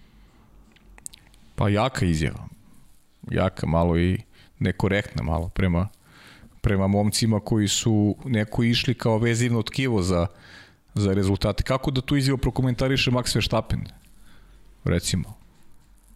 Znaš, to, Vrlo to dokaz snažna izjava. Je li to dokaz da su i tada bili, što su tada izabrali Maksa, ili to je isto dokaz da nisu razmišljali kao odrasli ljudi pa su izabrali izabrali Maksa ili nešto drugo u pitanju. Dobili su, imaju, imaju velikog šampiona, imali su, mislim, neko velikog šampiona, neozbiljno imali su zvučalo. neozbiljno, Da, baš, baš. Da, da, da, da, da, možda je pogrešno I, shvaćeno. i, si ga, i, si ga, I si ti čuo to ili si samo Ne, vidio? ne, to je, to je rekao da su Da. sad odlučili da se ponašaju kao odrasli, like adults. Da, da. Mislim, baš neoprezno u najmanju ruku. Da, Red Bull opet pravi te, te faulove sam su, sebi. pritom su oni, oni ekipa koji su iz, iz najpozitivnije konteksta smo svi o, o, o njima ovaj, pričaju kro- kroz, kroz tu prizmu. Jer su oni ti koji su najviše promovisali mladih super talentovnih vozača pružajući im šansu što u Red Bullu, što u njihovoj sesterskoj ekipi sada Alfa Tauriju. I to je dobar model, dobar, dobar način poslovanja, makar iz mog ugla. Inače, izvini, ima, ima par sistema, pa- par sistema, par pitanja. DAS sistem kako će uticati na trke? Vertaza 9.1 nema više DAS sistema. Double Axis sistem je ukinut ove godine. Mercedesu je dozvoljeno bilo da ga zadrži prošle sezone, tako da Mercedes iz te perspektive gubi jednu od prednosti koje je imao kada je reč o čuvanju guma, naša pretpostavka da je najviše tu zapravo napredo, videli smo da je bilo fascinantno koliko su mogli da izdrže na jednom setu pneumatika, a kada je reč o Pireliju, bilo je to jedno od pitanja, hm, šta da očekamo od Pirelija? Ne znamo. Zaista ne znamo. To je večita nepoznanica. Pirelli je saopštio koje će se gume koristiti tokom ove sezone, ali dok ne počne godina mi ne znamo zapravo šta ali, su spremni. realno nisu centralna tema već jedan duži vremenski Pa nisu.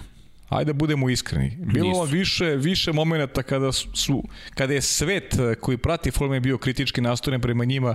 Meni se čini da nema mnogo razloga. Druga je stvar što bismo mi volili da vidimo ako već gledamo eh, takmičenje proizvođača, takmičenje timova, vozača, što da ne gledamo i takmičenje e, pneumatika, takmičenje e, Pirelija i nekih drugih e, velikana koji se, koji se bave proizvodnjom pneumatika. E, to bi bilo dobro videti. Zašto mora Pirelli da ima tapiju na, na šampionat? A dobro, to je to ono čuveno pitanje, vraćamo se na ratove guma, gde su svi želi da smanje troškove, ali ja, moram te pristati da se slažem s tom, nisam, nisam toliko čak ni pristalica toga da svi moraju da imaju iste gume. Tu je problem koga će, da li će proizvođač guma posle neko da, da, da nekog podrži od vozača ili ne. To je problem te kontrole, ali više bih volao da imaju mogućnost da zahvaljujući tome što mogu da prilagode gume, da li bolidima, da li vozačima, da dobijemo još veće uzbuđenje, ali za sada to se neće, neće nažalost, Neće ili na sreću, kako god, ne znam, menjati. Slušaj ovo pitanje, Nikola Sanović, pozdrav za Nikolu, znamo se sa Moto Grand Prix-a, da morate jednog vozača F1 prebaciti u Moto Grand Prix da vozi, koji bi to bio? Da, jednog vozača F1, Formula 1 u Moto Grand Prix, kog bi prebacio? Znam koga ne bi. Znam i ja. Nika, Nika. Hulkenberga, Nika Hulkenberga ne bi. A mislim da ćeš nešto drugo reći, ali dobro. Pastora Maldonado, na primjer. Da. na primjer, ili Maxa iz trenutne posade, do, previše agresivan Max i ovako, nije potreban, ali šalim se, bilo bi lepo videti ih, ali koga bih zaista volio da vidimo u, u, u Moto Grand Prix-u? Pa ne, Maxa bih baš volao zapravo da vidim. On bi se savršeno uklopio u celu priču. Mislim da, da, da je stil vožnje dosta agresivniji. Zašto se v, V10 više ne koristi u Formula 1? Ah, Mihajlo, za, svi patimo za V10-kama. Ne koristi se zato što je sistem prosto komercijalno gledano zastareo. Atmosferski motori, dakle motori bez turbo punjača sa velikom kubikažom su nešto što se više ne viđa na, na, na ulicama pričali smo o tome, konstantno sve češće vidimo motore od 1200, 1300, 1400, 1000 kubika koji imaju turbo punjače nisu nužno tehnologije koje će primjenjati u Formuli 1 baš direktno prenete, ali ni da ne, ne napredujete kada reč o razvoju hibridnih sistema. Pri čemu čak ne, ne govorimo o hibridnim motorima, govorimo o klasičnim turbo punjenim motorima, superchargeri takozvani i imate 140 konja iz relativno malog motora, to je motora male kubikaže, i stoga ni Formula 1 ne ide tim nekim putem. NASCAR još uvek ima atmosferske motore, 5600 kubika, V8, tako izvuče, tako i troše i zadržat će ih i u budućnosti, tako da pratite NASCAR iz te perspektive zabavno je, ali eto V10 prosto se više ne koristi, na žalost. V6 sada 1600 kubika plus hibridi. Da vidimo šta još. I da li je Pavle gledao Snooker, Sullivan i Brown? Gledao sam. Gledao sam Salivena i Brauna i najveće iznenađenje sigurno koje sam gledao i iskreno, pošto ja veliki navijač Salivena, u trenutku sam ono, malo sam ovaj, uh, nije mi bilo drago što izgubio, ali kad sam čuo priču kasnije o Brownu i kako je i Roni pričao o, o rivalu, zaista impresivna priča čovjek koji je radio na benzinskoj pumpi, bio pred maltene završetkom karijere to svoju jednu rangirnu titulu i zaista svaki čas to su lepe sportske priče. Jesu. Ne dešavaju se tako često i eto uživanje je biti biti eto deo da kažem takve takve jedne sportske priče koje je ispisana na jedan najlepši mogući način na kraju. Kada se sve sabere, kada stavite po strani te neke navijačke strasti, zaista jedna predivna, predivna sportska priča. Da li očekamo nove timove u narednim godinama?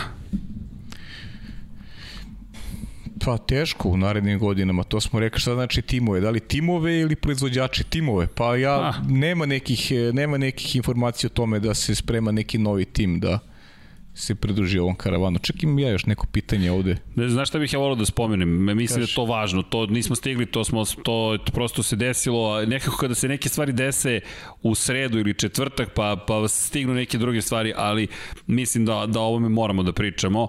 Ferrari koji je potvrdio da će hiperautomobil koristiti u Le Manu, to je velika vest za ljubitelje automotosporta.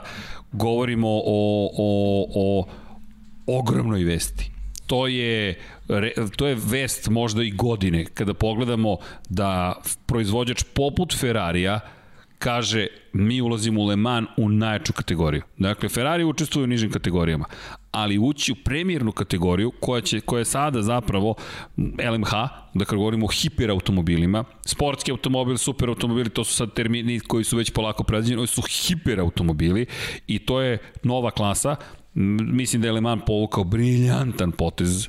Prosto mi nismo ovo videli i kada govorimo o Ferrariju i kada govorimo o najčoj kategoriji ja, ja, evo, ja nisam bio rođen kada je poslednji put Ferrari bio u Le Manu na način. Pa sad zamislite koliko smo čekali. Da, da. 1973. godine poslednji put bilo da je Ferrari nastupao u najčoj kategoriji i to su ogromne vesti. Renderi, crteži koji su predstavili kako bi to moglo da izgleda, izgledaju brutalno. Zaista izgledaju brutalno. Ja jedva čekam da vidim kako će to izgledati. Pri čemu, pri čemu, ko je potvrdio da će učestvovati? Toyota, Peugeot, Porsche, Audi.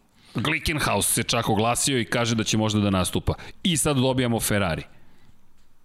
Još, pa za malo da kažemo svi. Za, za malo da kažemo ma, manje da. više svi. Mm. Znaš, čekamo Ford, čekamo uh, te neke proizvođače. A, to bi bilo lepo isto. Neko? Istorijskog, istori, tom nekom istorijskom smislu. Ford, Ford Ferrari. Čekamo. Da. Čekamo, bukvalno čekamo i ja moram priznati da, da, da, da na tu vest smo reagovali svi, vrlo emotivno, nekako prošlo je vreme i onda pomalo zaboraviš i kažeš čekaj Formula 1, ali da ne zaboravimo, to je mnogo važna vest, naša, moja greška konkretno, da sam mi nekako iz, izostavio, ali to je fenomenalna stvar. I John Elkan se bio oglasio tim povodom, rekao je, ljudi, u 70 godina trkanja, kada pogledaš gde smo se sve trkali i šta smo sve radili, ono što smo postizali na stazi, inovacije koje smo stvorili na stazi su dovele do toga da Ferrari bude ono što jeste i s ovim novim programom Ferrari će se još jednom posvetiti, podsvrdići svoju posvećenost sportskim programima. I mislim da je to baš, baš velika vest. Čak si Jean Todt, nekadašnji šef Ferrarija, sadašnji šef FIA oglasio i rekao da je to velika vest. I ja zaista jeste velika vest da vidimo hiperautomobile, moram priznati da, da, da to takmičenje jedva čekam da vidim. Izgleda fenomenalno. Ja ću samo da, ovaj, da ispoštujem Miloš Stanojkovića, da. pošto meni postavio pitanje i neću da dužim, jer već onako približamo se kraju da ispuštamo još neke ljude. Traži moj komentar za novi bolid Alfe i očekivanje od tima vozača novoj sezoni. Kaže da ste ti i Filip u prošli epizodi komentarisali. Kaže, fali moj komentar. Evo, ja ću samo kratko da kažem da sam rekao moja prognoza da će Antonio Giovinazzi doći do podijuma u jednoj trci ove godine. Eto, mislim da je dovoljno. Na Antonio Đevinaci do pobedničkog do postolja. Do pobedničkog okay. postolja u 2021. To mi je, eto, prognoza. Znaš da smo o tome pričali, jesmo, ja, kao da smo tražili neki ko iz nekog drugog plana može da napravi nešto. Moj tip je Đovinaci i, i respekt naravno za, za Zauber, sad Alfa Romeo, očekivanje je sigurno veće u odnosu na prošlu godinu i ono što stalno ističemo, ozbiljan benefit za Đovinacije koji je napredovo. E, drago mi je što je Zauber nije pristao na neki ultim, mislim ultimatu, nije to bio ni ultimatu, nego na želju Ferrarija da neko iz Akademije Ferrarijeve sada već zaozme mesto u, skim, u Skime Rekonena, jer su procenili da interes ekipe da ostane Đovinaci i imam utisak da su apsolutno pogodili. Da je ovo sezona E, koji će doživeti puno afirmaciju Antonio Đovinaci, radi se o dobrom vozaču. To je pokazuje prošle godine i da ima priliku da još više napreduje uz, uz Kimi Rekonen. Eto, to je, to je neka moja procena. Hvala, Paja. Alfa Tauri? Alfa Tauri, to će biti interesantno. Jer sad već imamo no, veliko očekivanje od Pjera Gaslija. Da a imamo jednog mladog momka koji pokazuje u Formuli 2 da, da ima talent, da ima potencijal. A nekako je u zapičku mnogo manje pričamo o njemu nego recimo Miku Šumacheru. I jedva čekam to da vidim, zaista to će da bude, to će bude interesantno. I kad to spomeniš, koga smo zaboravili da, da spomenemo, Guan Yu Zhou. Guan Yu Zhou. Pa, Guan Yu Zhou koji je deo Alpini. Nismo ga zaboravili, pričamo o njemu stalno, da. Da, da, ali do večeras smo zaboravili da spomenemo i on je u novim bojama Alpine i bio je prisutan prilikom predstavljanja bolida. Tako da i Gvanju da. Zhou i Yuki Tsunoda i kao predstavnici Azije, što Kine, što Japana, ali i kao momci koji predstavljaju novu generaciju, to, to ne treba zaboraviti. Pazi kakav izova da mi je dao Dejan. Da. Opet Dejan. Opet Dejan. E, ukupno je, kaže, se vozilo 70 sezona u Formuli 1, E sad, koliko je, kaže, bilo ukupno vozača koji su vozili, a koliko njih je uzelo titulu? Kako, kako, kako? Koliko je bilo vozača koji su vozili, učestvovali, Dobro. a koliko njih je uzelo titulu? Da li znate možda taj podatak? Ja ne znam, ali preposljednjem da je to mali procenat. Uh, ali o čemu sad, pa čekaj, čekaj, čekaj, to, broj vozača koji je učestvovao u Formuli 1. Da, to je DNA nešto što naravno moramo da potražimo. Moramo da istražimo. Ja, Google, naravno, To je teško ne znam, reći. naći ćemo, ali zaista nemamo ovako na pamet koliko ljudi To nam je zadatak, eto, za svima, eto, neka ovaj Dejano, neka ovo Dejanovo pitanje bude zadatak za sve za kompletnu zajednicu. Čekaj, ali koliko, ja znao sam koliko šampiona ima u Formuli 1, ali bez, jel te, bez gledanja, bez pomoći i googlanja, pomoći da. i tako dalje. Bez pa čekaj, ajmo, Google. 70 godina, Hamilton, Schumacher, 14 godina su pokrili, je li tako? To su dva, 3, dodaš Fanđa, to ti je 19, dodaš Kimije, čisto fore radi, dođeš na 20, odmah dođeš na 20, zatim imaš 4 Fetelove, to je 5 šampiona, čekaj, čekaj, to je 24, 28 ih je sa prostom, je li tako? 31 sa... Sa, sa Senom, sa 31, Jackie Stewart još 3, to je koliko, 34, je li tako? Dodaš čisto fore radi Nika Rosberga, to je 35. 35, sad će Dom Pablo da te ugasi. Nešto nam pokazuje da će da padne, šta? Neka padne, sve je u redu. A, dakle, neka pada, ako je pada i treba da pada. Dakle, gde smo bili na 30 i... I 5. 35 sa Rosbergom, ali da dodamo na tu priču ni Nelsona Pikea, to su još tri titule, To je 38. 38, pazi, to je 10 šampiona i ima 38 Dodamo, titula. dodamo Jensona Buttona, to je 39. 39, E, zatim dodamo Hila, na primjer, Žaka Vilneva, dodamo na celu tu priču Fernanda Alonso sa dve, to sa dve i jedan, znači 14 šampiona, ali gde sam sad bio, sad se izgubio, 44. E, e, zaboravi, e, ostaćemo do jutra, ovako, ostaćemo do jutra. Ok, imamo Nigela Mansella, to ti je 15 šampiona, 45, pa imamo dve titule, uf, da, ostaćemo do jutra. Ne znamo, Dejane, eto, da odgovorimo. A ne, o, to si, bilo lakše to ome da kažem. Evo, 33 šampiona Formula 1 u istoriji. Dobro, krenuli smo da ih brojimo polako, ali sigurno. Menzel, Laudu smo zaboravili kao tri titule, ali da. U svakom slučaju, e, hoćemo polako da se... Evo, Dejan dodao još samo Michelin ugovor, Michelin potpisao ugovor sa DTM-om od ove godine kao dobavljač pneumatika popunjavaju se dosta različitih proizvođača, što je dobro, veoma su blizu gašenja i hvala Dejane uvek onako iscrpan. Da, DTM, Alex Albon koji je u DTM. Jeste, Alex I pitanje Albon, da li je to Ćor Sokak ili će se nešto tu i desiti. Vidjet ćemo, da.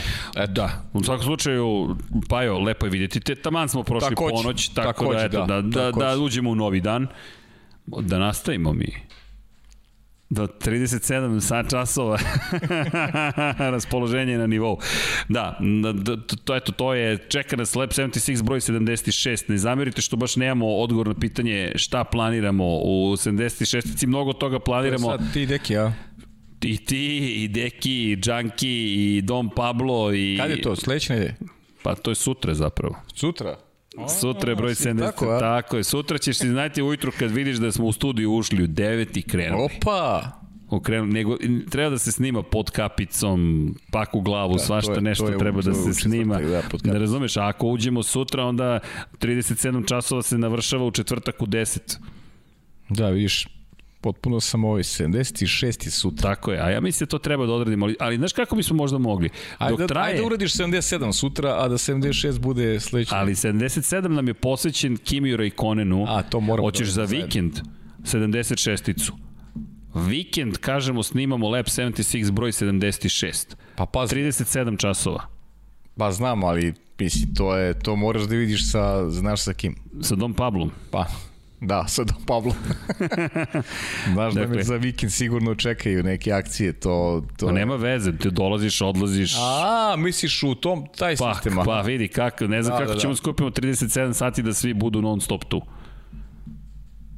Da, to, to je izvodljivo. To, Šta misliš? To je. A umeđu vremenu dođu nam gosti, prijatelji, srate malo, pričamo i o nekim drugim, ne znam da li možemo baš 37 sati samo u jednoj temi. Pa mislim, Ne, teško. Možemo, ali sad koliko ali, će biti interesantno, da, to je nešto tako, drugo. Koliko, koliko ćemo da budemo Ništa, da prenoći, pa ako 9 vidiš da je krenuo Lab 76 broj 76, da znaš da je krenulo. Dobro. Pa kad se završi. Ajde vaši. Eto, eto. Pablo te gleda kao šokirano. Kao da nisi, Ali Ivan kao da nisi normalan, tako. E vidi, dok završimo Lab 76 broj 76 stići i majice. tako da, da taman, taman, premijerno taman. stižu majice isporuka dole ispred i to je to. Pa vidi, mora do toaleta da se ode, nešto da se pojede. To je tačno. Realno. E, a nije pristojno da jedemo pred kamerama. No, sad smo skrenuli na neku drugu temu. Ljudi, nadam se da ste uživali Lab 76 broj 75. I 5, tako je. Da, to je 75. Logično, po 75 i 76, to samo u mojoj matematici izgleda nije logično. Ne, ne, pa nije. Seti se da smo imali u matematici ovog studija da preskočimo broj pa se vratimo na broj da bismo ispoštovali. To Tako da, kažem. da vidi, ovde se vreme čudno ponaša i, i iz te perspektive ko zna šta je sve moguće.